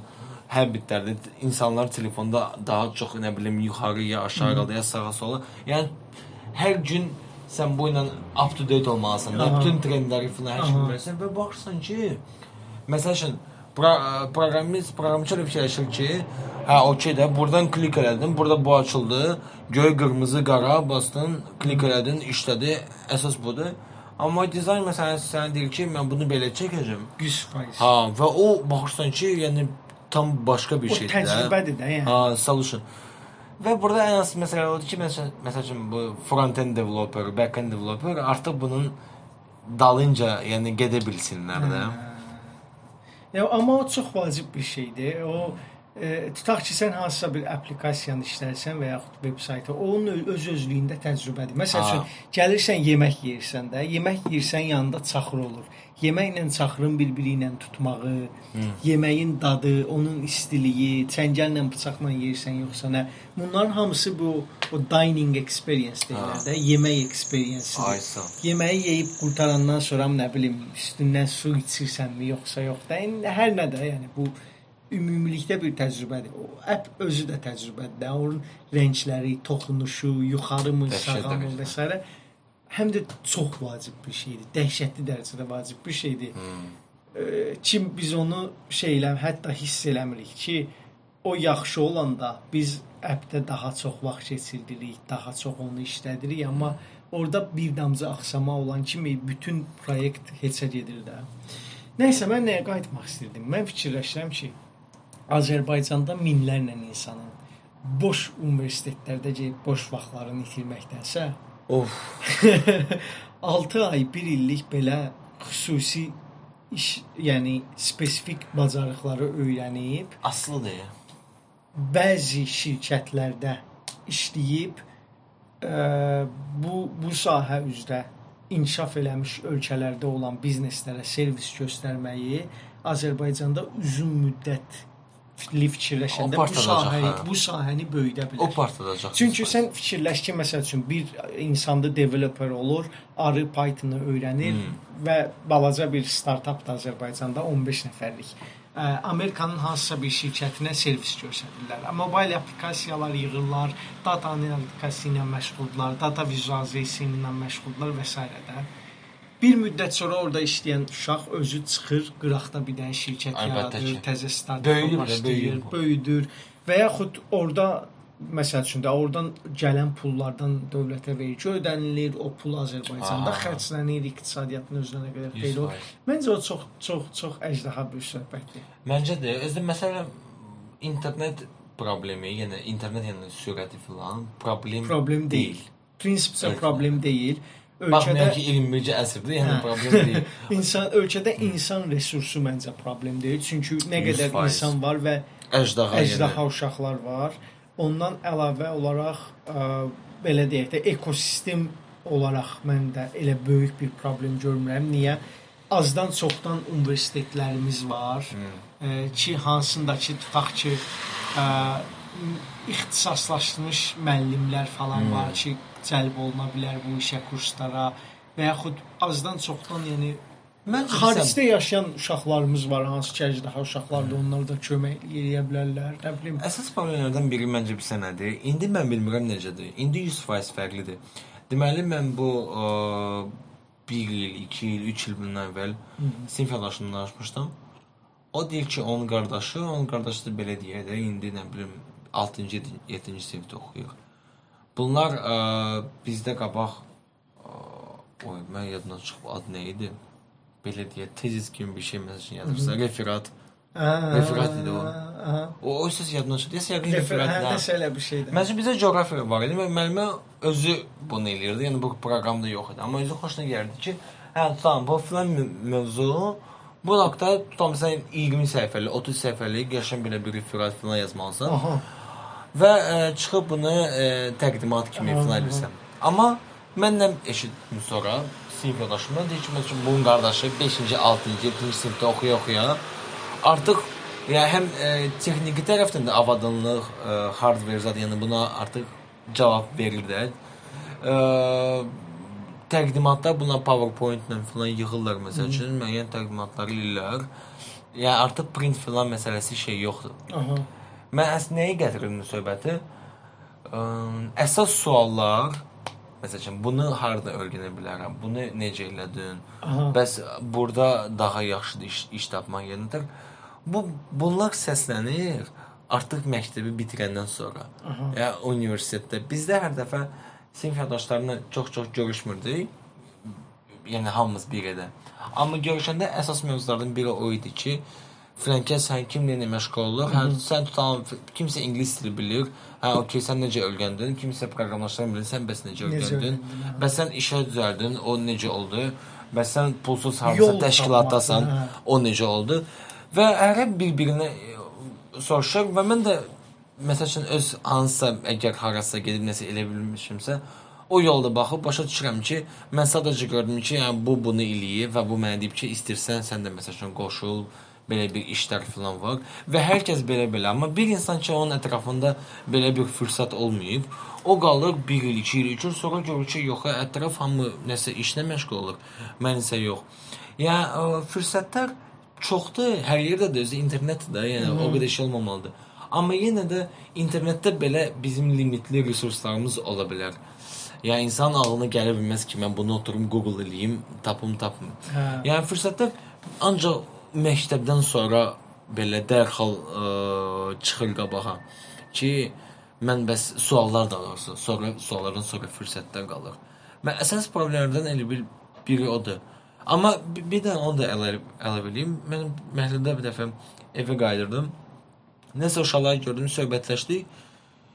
Bir uşaq qarıb deyib ki, hə mən indi fikirləşirəm, IELTS falan gözləyirəm cavabı. İmtahanı girmişdim. Mən də fikirləşdim ki, yəqin bu magistratura getmək istəyir, harası harici. Deyirəm, hə, harici halaşsın. Hə, belə-belə. Sən demə bu bakalavr fikirləşirdi və bu 11-ci sinifdə oxuyurdu. Mənim üçün bu biraz şok idi, çünki mən Aha. 11-ci sinifdə düzdür, yəqin ki mən ə, ayrıca bir kes idim, amma Aha. mən IELTS falan heç eşitməmişdim də. Yəni ki belə bir şey var. Ümumiyyətlə yəni harici birdən-birə sən gəlirsən bakalavr oxumaq. Ə, halbuki belə 3-dən 4-dən orada bir nəsə idi elə söhbətlər. Amma tendensiya dəyişib. Ona görə fikirləşirəm bəlkə indi daha yaxşıdır, yəni. Bilmirəm. Düzü Azərbaycandakı vəziyyətdən xəbərim yoxdur, amma inanmıram ki, vəziyyət daha yaxşıdır. Bu baxımdan. Hə, yox. Düzdür, yəni Uşaqlar gedir oxumağa xaricə, bakalavr yəni. Nisbətdə daha yaxşıdır, amma ümumi baxanda məncə yəni 90-95% uşaq gedir universitetə, 4 ilin heçsə xərcləyir. Baxır Gedir- hansı ixtisas, baxır hansı universitet yox. Məncə baxmır. e. Yəni məncə doğrudan o, tibbi. hə, mə- məncə o 10% hissədir ki, onlar yəni nəsə eləyə, yaşayış tapa bilirlər də özlərinə, nəsə eləyə O bilirlər. dərəcədə. Hə, yəni qalan 90% nə bilim, e, Sovet kitabları ilə oxuyurlar və s. də. Yəni belə kim nəsə eləyirsə özü özünə eləyir. Yəni Sovet demişkən, amma məsəl üçün riyaziyyat, kimya, heç fizika. Dəqiq elmlər 100% normaldır. Dəqiq Ya- elmlərdə problem yoxdur. Amerikan böyük şirkətlər falan hamısı qaça-qaça da. Rus, Ukrayna, 100%, Azərbaycan 100%. tapır. Dəqiq elmlər sahəsində məncə o problem deyil, Sovet kitabı və yaxud köhnə müəllim falan. Amma yenə də nə bilim sistem olaraq qəlizdir vəziyyət Azərbaycanda. Mən düzdür, mən Bizdə şey var idi. Ha, e, Isaac'ın ofisinin yanında bir dənə yer var idi. Orada e, kurslara başlamışdılar. Adı Kod? Akademi. Kod Akademi. O necədir? Orada vəziyyət mən bilən hələ də davam eləyir. hələ davam edir. Çünki mən ə, o gün elə bir kimsə dostluğa mən şey göndərmişdim Facebookda. O Görürüm ki, Kod Academy nəsə teacher falan olur. Bura mən bilən davam. Qəşəng. Çünki hə, onlar hətta ə, koddan başqa dizayn dizayn şeylər O yaxşıdır. Sadəcə orada bir şey var ki, o kursdur da, yəni bildiyin. Gedirsən, Ha. öyrənirsən, ondan sonra məsəl üçün şeydə tutaq şirkətlərdə falan iş tapırsan. Mən belə bir şey ideal belə bir şey fikirləşərdim ki, necə eləmək olar ki, ölkədə hub yaransın. Oyda. Necə eləmək olar ki, ölkədə bir tutaq ki, deyirəm də bir hub olsun, mingə çevir. Mingəçə. Baxça. Mən də onu demək Hə, istəyirəm. ged, orada gedəsən, baxasan ki, orada bir 6-7 dənə coworking space var. Orada Ha. 5000, 6000 gənc oturub ə, işləyirlər də, yəni kod yazırlar, applikasiyalar yaradırlar, nə bilim. Və yenə də deyirəm, e, ona məncə, məncə şey kimi baxmaq, çünki bizim adi adi high-tech parkda olan şirkətlərə baxırdın, hamısı böyük məqsədlərlə, böyük ambisiyalarla işə Ha. girişirdi. Hansı ki pis deyil, əlbəttə ki, yaxşıdır. O. bəziləri Amma bəziləri də tutuzdururdu. e, Söhbət Bəziləri çatıb. Keep Amma- face filan uşaqlar Hə, oradan for başlamışlar. Sure, for sure. Yəni bir neçə dənə startap çıxıb. Amma mənim dediyim odur ki, hub'ın yaranması üçün birinci Hindistan Ukrayna yolunda getmək pis bir şey deyil. 100%. O sonradan onsuz da öz özlüyündə Yox, orada heç böyüyəcək, utanmalı heç nə yoxdur böyüyəcək. yəni. Yəni məncə o ideal, ideal. Variantlardan biridir. Sadəcə hub yaranmalı. 5 il şirkət açar Azərbaycanda. Amma sən dedim ki, hub yaratmaq ə, nə ancaq pul, nə ancaq ə, nə bilim enerji filan sərf eləməklə olmur. Yəni 100%. Əlaqələr lazımdır. Yox, bir sən necə deyim?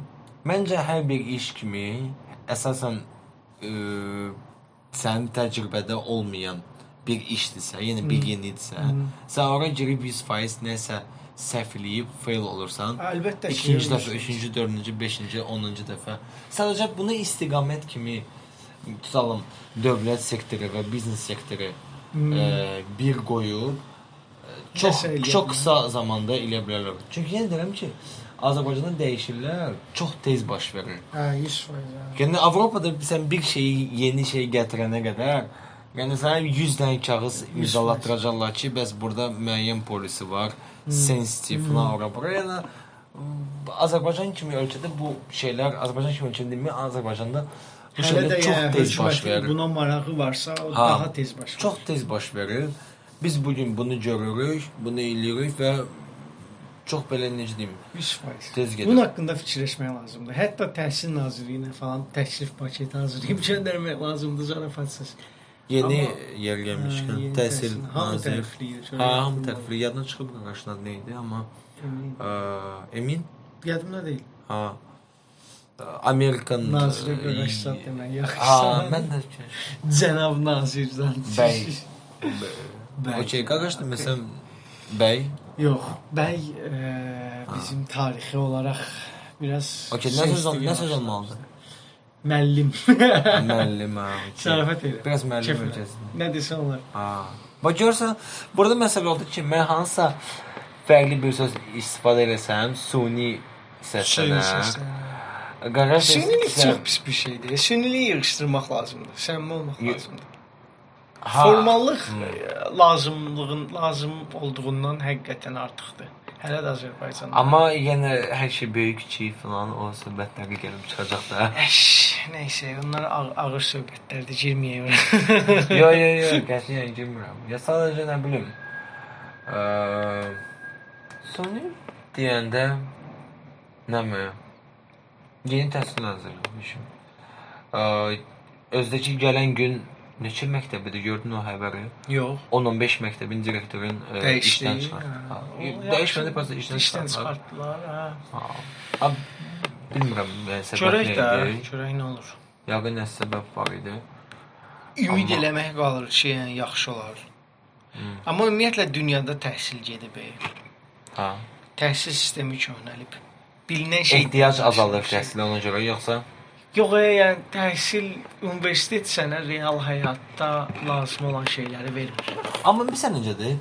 Mən elə fikirləşirəm, elə fikirləşirəm ki, rebranding təhsildə çox gec baş verir, çox konservativ, Çox, çünki oradakı olan adamlar düzdür, mən o çox klişe bir yanaşmadır. Məsəl üçün filan kəs 50-60 yaşındadırsa, deməli e, bu e, texnologiya filan hər şey bir baxımdan daldadır. Amma bu Əslində bir elə deyil. amma əslində e, belə deyə də, yəni e, təbiətdə sadəcə elədir ki, nə canlıdırsa, daha çox tez tərpənir və daha e, daha dinamik olur və inkişafa uyğun. Və burada elədir ki, elə adamlar var ki, 50-60 yaşında, yəni bizdən də daha çox dinamikdirlər və daha tez dəyişirlər və daha yeni environmentlar belə tez öyrəşirlər.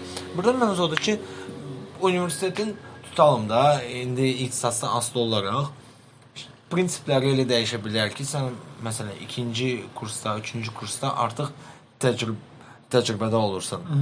Yəni harca hansı şirkətdə falan. Düz indi praktikalar olur.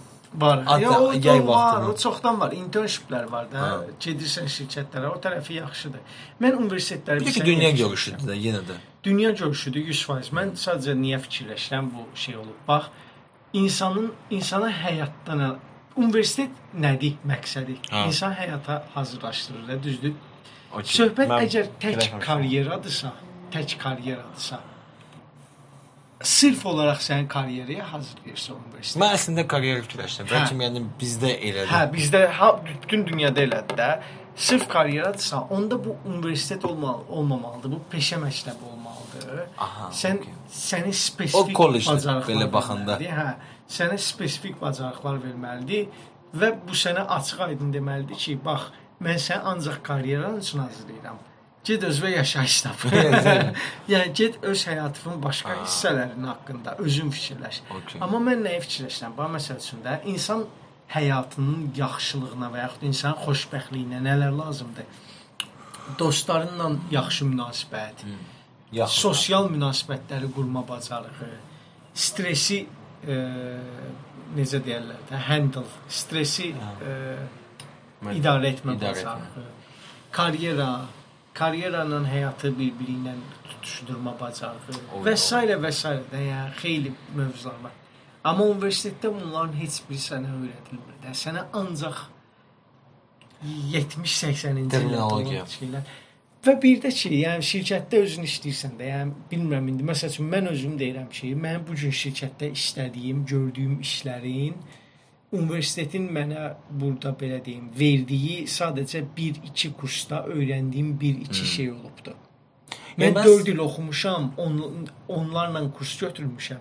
Onlardan sadəcə 1-2 kursda 1-2 dənə öyrəndiyim şey var ki, bu gün gündəlik olaraq işimdə onu işlədirəm və başqalarından da görürəm ki, bu həqiqətən lazımdır. Mən sən deyim ki, mən e, sırf təhsildən düzdür belə çətində insan nə isə biləndə məndə belə bir xasiyyət var. Çox əslində yaxşı xasiyyət deyil, amma mən nə isə biləndə artıq bunu belə deyim aşağılayıram ki, hə bu yəqin çox da vacib bir şey deyil. Okay. Məndə belə bir məsələ var. İndi hər nədirsə mən təhsildə təhsildən götürdüyüm biliklərim falan indiyənə qədər mən bəlkə daha çox ə, ətrafımdakı olan insanlarla ünsiyyət, ünsiyyətdə ə, istifadə etmişəm və bu da əslində bir ə, anlıq işə də aiddir. Çünki ətrafımda olan insanlar da ə, işdən olan adamlar var.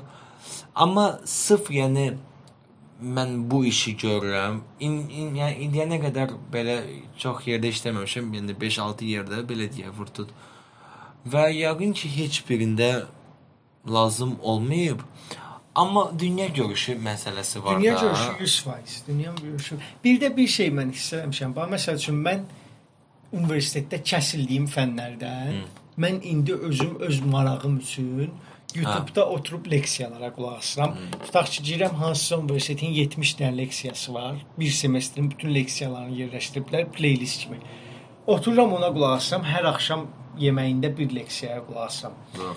Və mənim özümə çox maraqlı gəlir. Otururam, araşdırıram, edirəm. Sadəcə niyə? Çünki bu mövzuya mənim marağım var və mən bu mövzunu özüm öyrənirəm. Ona görə yox ki, mən imtahan verib bu imtahandan keçməliyəm. Başa düşdün? O imtahan məsələsi falan biraz zibilləşdirir. Mən Ha. nə ideyası idim? Axır vaxtlar bir dənə mövzu ətrafında fikirləşdim. Sən o qoca cavan məsələsini elədin və orada bir cümlə işlətdin ki, təbiətdə belə bir şey var ki, cavan ə, insan, yəni Canlı. cavan, canlı daha dinamik olur falan. Mən axır vaxtlar nəyi fikirləşmişəm? Ümumiyyətlə Azərbaycanlı düşüncəsində və ümumiyyətlə də belə modern, yəni insan olaraq həm də qərbdə bizim çoxumuz insanın təkamülün produktı olduğu haqqında düşünmürük və bunu öz dünya görüşümüzə inteqrasiya eləmirik. Və okay. məncə ona görə də bizim dünyaya və özümüzə baxışımızda xeyli qəplər yaranır ki, biz bir çox hadisənin özümüzün və cəmiyyətin we cannot make sense of it. Yəni biz bunu tam da anlaya bilmirik və yaxud ona çox belə doqmatik yanaşırıq. Çünki bizi biz insanın təkamülün nəticəsi olduğunu fikirləşmirik. İndi məsəl üçün də bir dənə example verim, nəyi deyək ki, nə, nəzərdə tuturam. Ə, tutaq ki, insan ə, insanda olan yeni situa situasiyalara, hə, yeni situasiyalara, yeni ərazilərə, yeni insanlara olan qorxu hissi və yaxud ona olan çəkinməklik hissi hamıda var. Məsəl üçün də tutaq ki, gedirsən yeni bir partiya. Partidə heç kimi tanımırsan. Ha. İstər-istəməz utancaq hiss eləyirsən, istəmirsən yaxınlaşasan məsələn. Və yaxud gəlirsən yeni şirkətdə işə başlayırsan, Hı. eyni situasiya. Yeni bir şəhərdə, yeni bir ölkədə olursansa, 100% bunlar var. Bunun səbəbi nədir? Yəni insan niyə belə hiss eləyir özünü?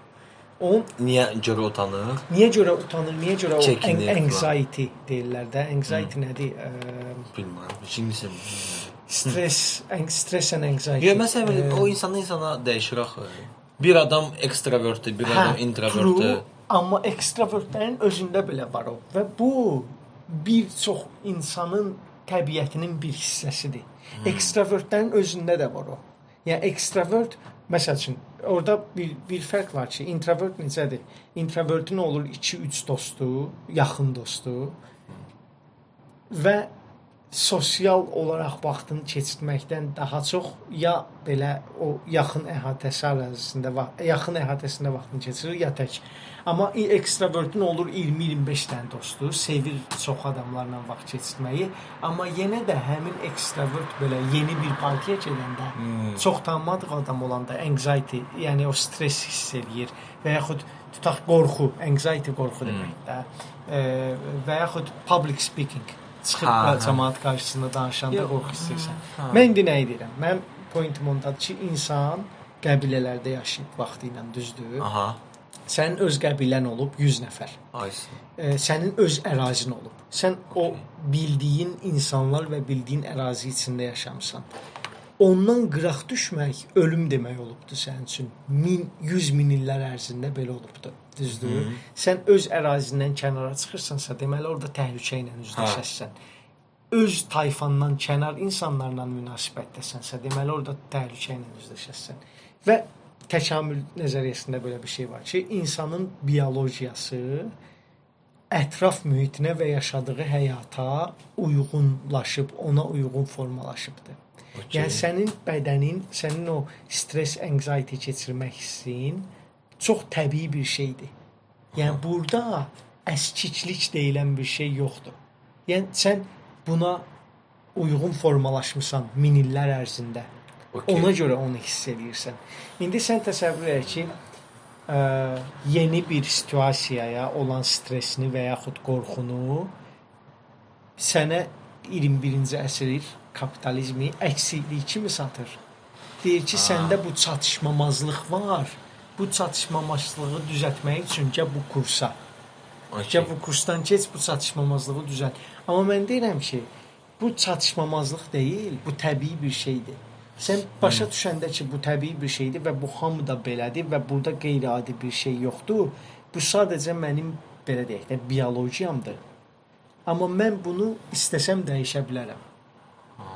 Və yaxud bu tutaq ki, indi bu sadəcə bir example-dir. Və yaxud insan təkamülən gün ərzində 8 kilometr gəzməlidir və fərqli yeməklər yeməlidir. Çünki min illər ərzində buna təkamül eləmisən. Sən bədənin ona uyğun formalaşıb ki, sən gün ərzində hərəkətdə olmusan, düzdür? Ha, ha. Amma indi oturursan bütün gün 9 saat şey qabağında, stol ha, qabağında eyni yeməyi yeyirsən, nə bilim və s. də belə bir şey. Yəni mənim demək istədiyim o ki, bizim formalaşmağımızda rol oynayan təkamülü biz nəzərə alsaq, biz həyata daha fərqli və daha yaxşı yanaşa bilərik. Həm idman tərəfdən, həm sağlamlıq tərəfdən, həm yemək tərəfdən, həm insan Amma mühitdən çox şey asılıdır da. 100%. İnsan mühitindən, yəni ətrafda ümumiyyətcə nələr baş verir. Bir də ki, şey məsələsi, o o diaqram yadına çıx çıxıb ad nə idi? Amma belə bir- Maslow. Ha? Maslow. Maslow'dur o. Hə, Maslow. Piramid. Piramid, Hə, aysa. piramid, Maslow piramid.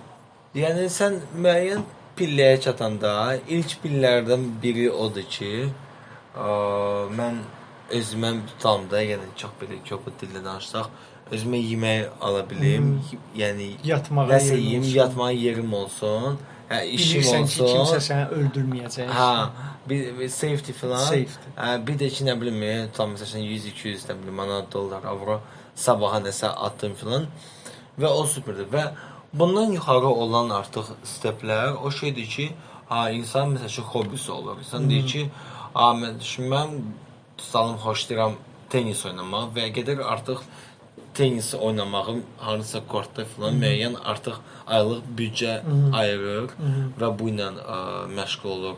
Nə bilim, ə, biri Sənətlə hə, bir maraqlanır, ədəbiyyatla sənətlə maraqlanır. İstədiyi şeyə başlayır həm vaxt ayırmaq, həm bəlkə də bə, bəlkə də pul ayırmaq. Yəni resurs belə deyə də energiya ə, puldan da heç də ucuz şey deyil də. Yəni 100%.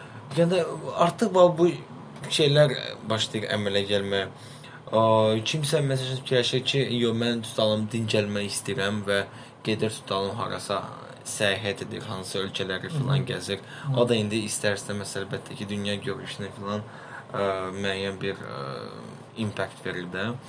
Yəni mühitdən çox şey asılıdır da. Yəni mühit səni həm aşağı da darta bilər, bəli. 100% 100%. və həm də yuxarıda qaldıra bilər. Əslində sözün düzü deyim sənə, mən hər iki mühitdə olmuşam Hı. və ə, artıq ondan sonra bilmirəm necə olur. Yəni məncə hər iki mühitdə olmusansa əgər səni biraz aşağı dartan və sonra səni yuxarı qal- qaldıran. Ondan sonra növbəti pillə odur ki, hər şey sənə qalır Hə, hə. və sən özün Aha. Yəni sən deyirlər ki, sən bax bunu bildin, sən Bu- budur, bunu bu da görmüsən, bunu da Hə. görmüsən. Amma yəni o bilirsən artıq özündədir, hə. Hə, indi özün yanına bununla otur baş ver və o daha çətindir əslində. Hə, o daha çətindir əslində. Özün öz, hə, özündən də çox şey asılıdır. Yəni mən belə deyim sənə, mən o vaxtda ə, hazırlaşanda universitetə bizdə uşaqlar var idi. Təsəvvür ki, imtahandan çıxmışıq, hər bir şey yoxlayır. İndi mənim tutalım güvəndiyim fənlər var idi. Mən dərhal onları yoxladım. Dedim ki, hə, okey, zor nə bilim 22 nə bilim burada, nə bilim 21 orada filan, yəni mənim üçün superdir. Və tutalım məsələn ingilis dili falan yoxlayırdıq. Uşaqda çıxmışdı 25 düz. Aha. Səndə də desə 25. Məndə hə. 25 idi ingiliscə. Mən şoka düşmüşdüm ki, ay bu 25 düz Yəni mən 25 məsəl üçün tutalım nə bilim tarixdə ya coğrafiyada gözləyə bilərdim. Orada deyəsə 24 ya 20 çıxdı. Yəni 25 mənim üçün ümumiyyətcə 100%lıq 100% yəni data kimi mənim üçün çox şey. ideal görsənirdi. Yəni bu adam yəqin ki yatmır. Yəni mənim üçün Aha, aha. 11-ci 10-cu 11-ci sinifdə ə, oxuyan ə, adamca yəni 15-16 nə bilim yaşda mən üçün elə görünürdü. Hər nəsə bu adam 25 yazıb, mən də yadıma deyil, yəni çox bir cüzi ə, nə bilim 7-8 düz filan, nəsə belə bir şeydi. Ə, çox bir cüzi bir rəqəm idi. Hər nəsə bir neçə il sonra yəni 2 il filan mən nəsə indi bəlkə paylaşmışdım artıq Azikdə olan vaxtlardan. Ha, bu adam mən yazıb soruşub ki, bəs şeydir, o, ingilis dili deyə harda öyrənmişdi, hara gedə bilən filan. Mən həmin an sözün üzü çox pis olmuşdum. Çünki o vaxtda o demək olar ki 500 bal harca yığmışdı. Yəni məndən rahat bir 200 falan bal çox yığmışdı və mən ım, həmin vaxtda fikirləşirdim ki, kimsə əgər 500 bala yaxın və ya yaxud ondan yuxarı yığırsa, bu adam wunderkind ya da ki ona yaxındır. Düzdür, ola bilər bu mənim problemimdir ki, mən belə fikirləşmişəm, amma hər nəsə. Yo elə idi də, yəni. Və hər yaşım ki, bu 25 yazıbsa nədənsə. Yəni bu bu partladı. Məsəl üçün fənnin ekspert olmalıdır. Düzdür, sonra mən başa düşdüm ki, bu test başqa şey. Bu belə məsələn danışanda, e, tutanda əgər söhbət ingilis dilində gəlsə, başqa nə bilim oxumaq başqa filan. O artıq sonra oldu baş verdi. Amma hər nəsə mən pis oldum ki, adam o qədər vacib universitetə filan girdi, pulsuz oxuyurdu. E, pulsuz təhsil alıb, yəni qazanıb da bunu ki, alıb onu. Və okey, oradakı olan biliklər, bəs universitetdə də müəyyən bir biliklər olmalıdır, müəyyən bir dünya görüşü filan və bu ona gətirmədi. Mhm. Yəni mən biraz ona ə, belə yarı şok, yarı pis olmuşdum. Bilirsən, məncə o fərqli şeylər deyil. Test götürmək öz özlüyündə bir bacarıqdır. Əm, Məsəl üçün tutaq ki, yemək bişirirsən dəsən. Ops, Ops. pişiyimiz var bizim burada.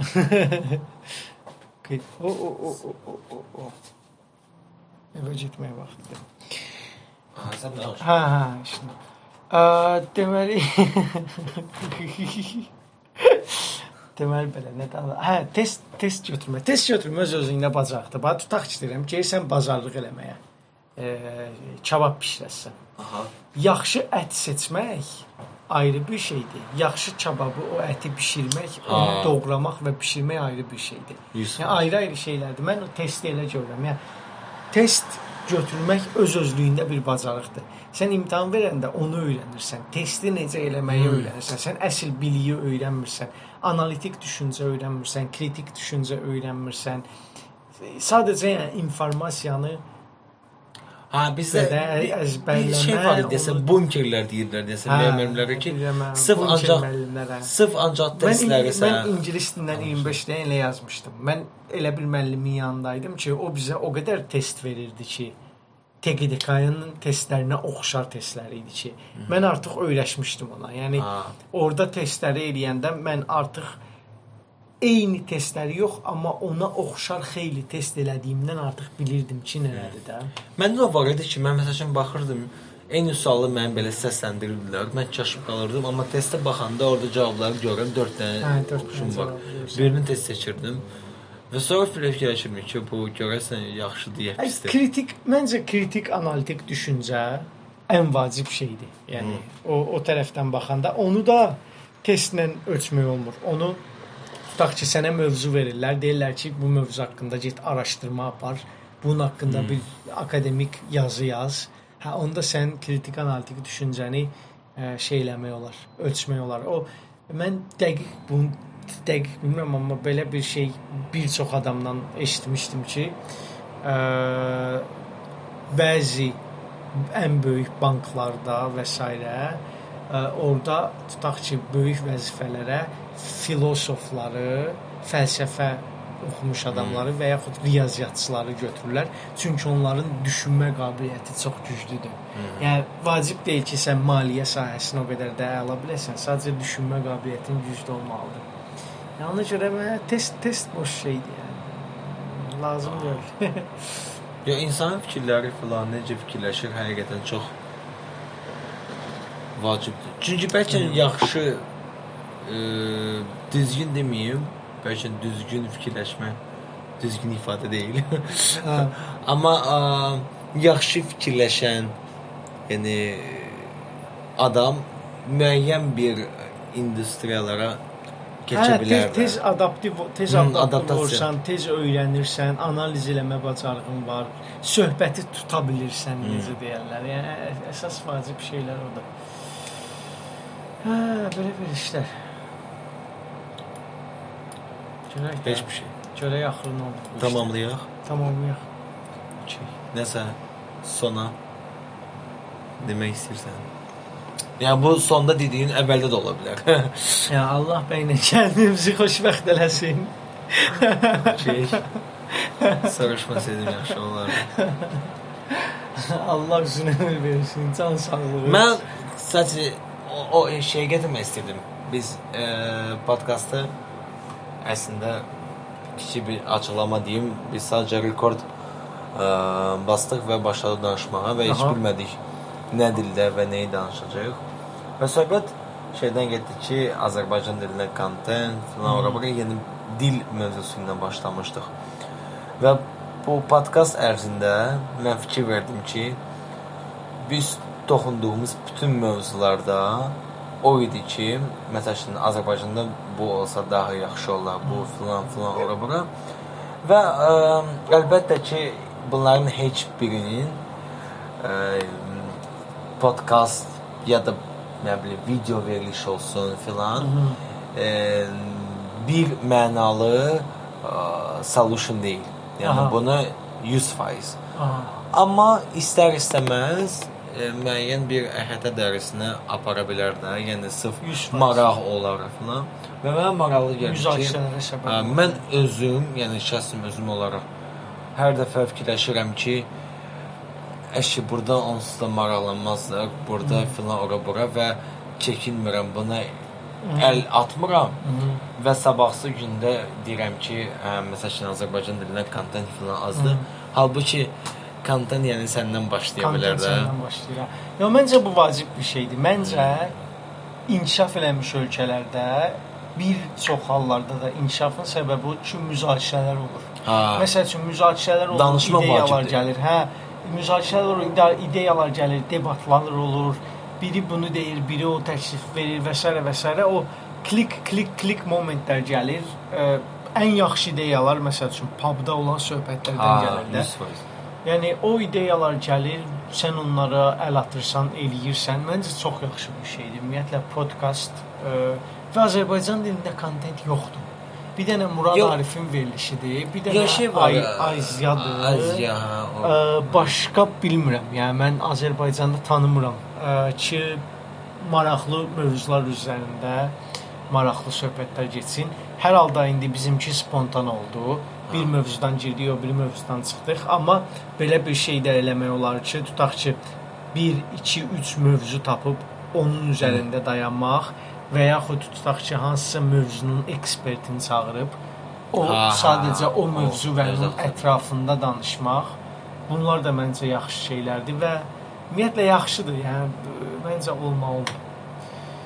E, xeyirli olsun.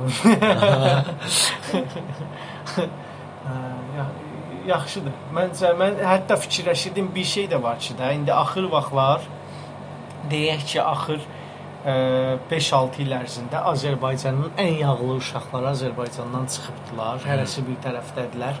Hərəsi bir işlə məşğuldular və məncə belə podkastın olmağı o tip adamları birləşdirməyi də məncə çox yaxşı olar. Çünki tutaq ki, tutaq ki deyirəm də indi e, Norveçdə filan sahə üzrə işləyən bir adamı çağırıb saat yarım 2 saat söhbət eləmək e, və o həmin kruq Avropada yaşayan uşaqlar, Amerikada, Kanadada Hmm. yaşayan o belə deyək də bir vaxt Bakıda fırlandığımız uşaqlar e, Direct pod, hə, podkast ətrafında birləşməyi Hmm. e, yaxşı yaxşı bir Ya o düzgün söhbətdir. Çünki Rusiyada məsəl üçün e, biz həmişə sənin danışırıq. Bir dənə jurnalist var, Yuri. Eee Duci. Onun eee, video bu belə deyək də YouTube-da intervyular falan götürür. Və intervyu, ya intervyu deməyim, jurnalistika janrı rus dilli YouTube-da bu insanı gətirib. Aha. Bundan sonra cəmaət başlayıb intervyu YouTube-a. götürməyə və bu başlayıb sonra intervyudan sonra bir anlıq da məsələn kiçik bir dokumentari çəkirdi. 1 saatlıq, 2 saatlıq videolar. Məsələn, hansısa tam VIC filan xəstəlik haqqında çəkib, nə bilim, tutalım. İndi o, Rusiya daha çox aid mövzuları, Beslan filan, ora bura Çeçenistanda olan müharibələr sayılsın, yaxud və digərləri başlayıb ki, ha, okey, gəlin biz də gedək filan çəkək. Və o çox bir əcdaha bir ə, çıxışı var idi. Götürüb prezentasiya edirdi. 25 min adam oturdu zalda. Ə, slaydda təsəvvür ki, eyni zamanda 20 dənə şəkil var idi və o hamı intervyu götürür və YouTube-da olan buna oxşar kontent. Və o deyir ki, mənə hər gün deyir gəlirlər, deyirlər ki, eşidin deyir yürü, o gün nə bilim kimsə də başladı intervyu götürməyə, səndən kopyalayıblar ora bura, əsəbləşmirsən bəs. O da deyib ki, yəni mən hər dəfə onu izah edirəm cəmaata ki, intervyu janrı birincisi mən icad etməmişəm. Hə. Bu bir. İkincisi internet e, TV-də, radioda, TV-də intervyu janrısı mən icad eləməmişəm. Üçüncüsü internetdə, YouTube-da, yəni o janrı da mən icad eləməmişəm. Yəni mən bu janrın ümumiyyətcə aidiyyəti yoxdur. Sadəcə mən bunu bacarıram, bunu elədim. Və bu getdi. Və deyir ki, və yeganə səbəb hansı hansında ki, cəmaət niyə başlayıb hamı intervyu falan götürmək? Mənim deyir intervyu götürdüm və 5 milyon baxış ilk gün ərzində gəldi. Ona görə yox, daha çox ona görə ki, danışmağa ehtiyac var. 100%. Ha, yəni people need to talk. Mən onda belə qaldım. Belə nəsə çox fikirləşdim. Biraz yəqin populistçi çıxış idi. Yəni mən heç kimə yəni qısqanmıram, yəni ə, hamı yaxşıdır. Biraz skeptik yanaşmışdım, amma bir il, bir il yarım keçdi və mən ondan sonra yenə baxdım ki, bu adam nə işlə məşğul olur, hara artıq çatıb və başa düşdüm ki, bu həqiqətən çox qızıl söhbət qalmışdı ki, cəmaata yəni danışmağa ehtiyacı var. 100%. Məncə ümumiyyətlə bizdə belə bir podkast yoxdur. Və mən bilirəm var Krisha show. Krisha. Ora qonaq çağırırlar, suallar soruşurlar. Daha çox intervyu formatıdır. Murad Arif də intervyu formatıdır 100%. Ha. Az ya düzü baxmamışam. Xəbərim yoxdur. Mən Fayraqamla bilməyəcəm. baxmışam, xoşuma gəlib. Podkast formatıdır yoxsa intervyu Ə, yox. Video eləyirlər. Ha. Amma bildiyim qədər, ə, deməli pavilyonda çəkirlər. Ha. Aziya qarşıdan isə Royal Paşayev də səfər. 100 hə. Ə, Royal US-də çəkir özünü. Fayraqa ayrıca Fayraqa deməm, yəni ikinci iştirakçını intervyə gələn insan ə, ikinci kameralar Aha. çəkir. Amma bunlar bir ya Skype-la ya da hansısa bir şeylə Amma yəni sual sual-cavab formatı idi yoxsa yəni söhbət gedirdi? O sənə deyim ki, e, yəqin ki, daha çox sual-cavab formatı idi, amma e, belə danışıqlara filan e, Daha yer var idi. yer var idi. Ye- yer var idi. E, Murad Arifdə yəqin ki, daha çox məncə olur danışmalar, amma mən biraz çətin demək. Yox, orada da şeydir. Orada intervyu formatıdır. Suallar soruşur. O suallar Murad Arifdə də üzərində- biraz spesifik bir şeydir. Amma yenə də belə deyə də, e, 1 2 10 20 kiminsə xoşumuza gələ bilər, xoşumuza gələ bilər. Söhbət ondan deyil, deyil də, yəni sabah 100 dənə olsa, bəlkə heç bir mənim xoşuma gəlməz, amma bu heç cürə e, vacib bir e, amil deyil. Yəni olması artıq yaxşıdır. Super. Yaxşı və pis o da ayrıca bir mövzudur. Super. Görək hara qədər gedir. Ha. heç bir şey. Nəsə əlavə eləmək Tamam. Yox, bağlayaq.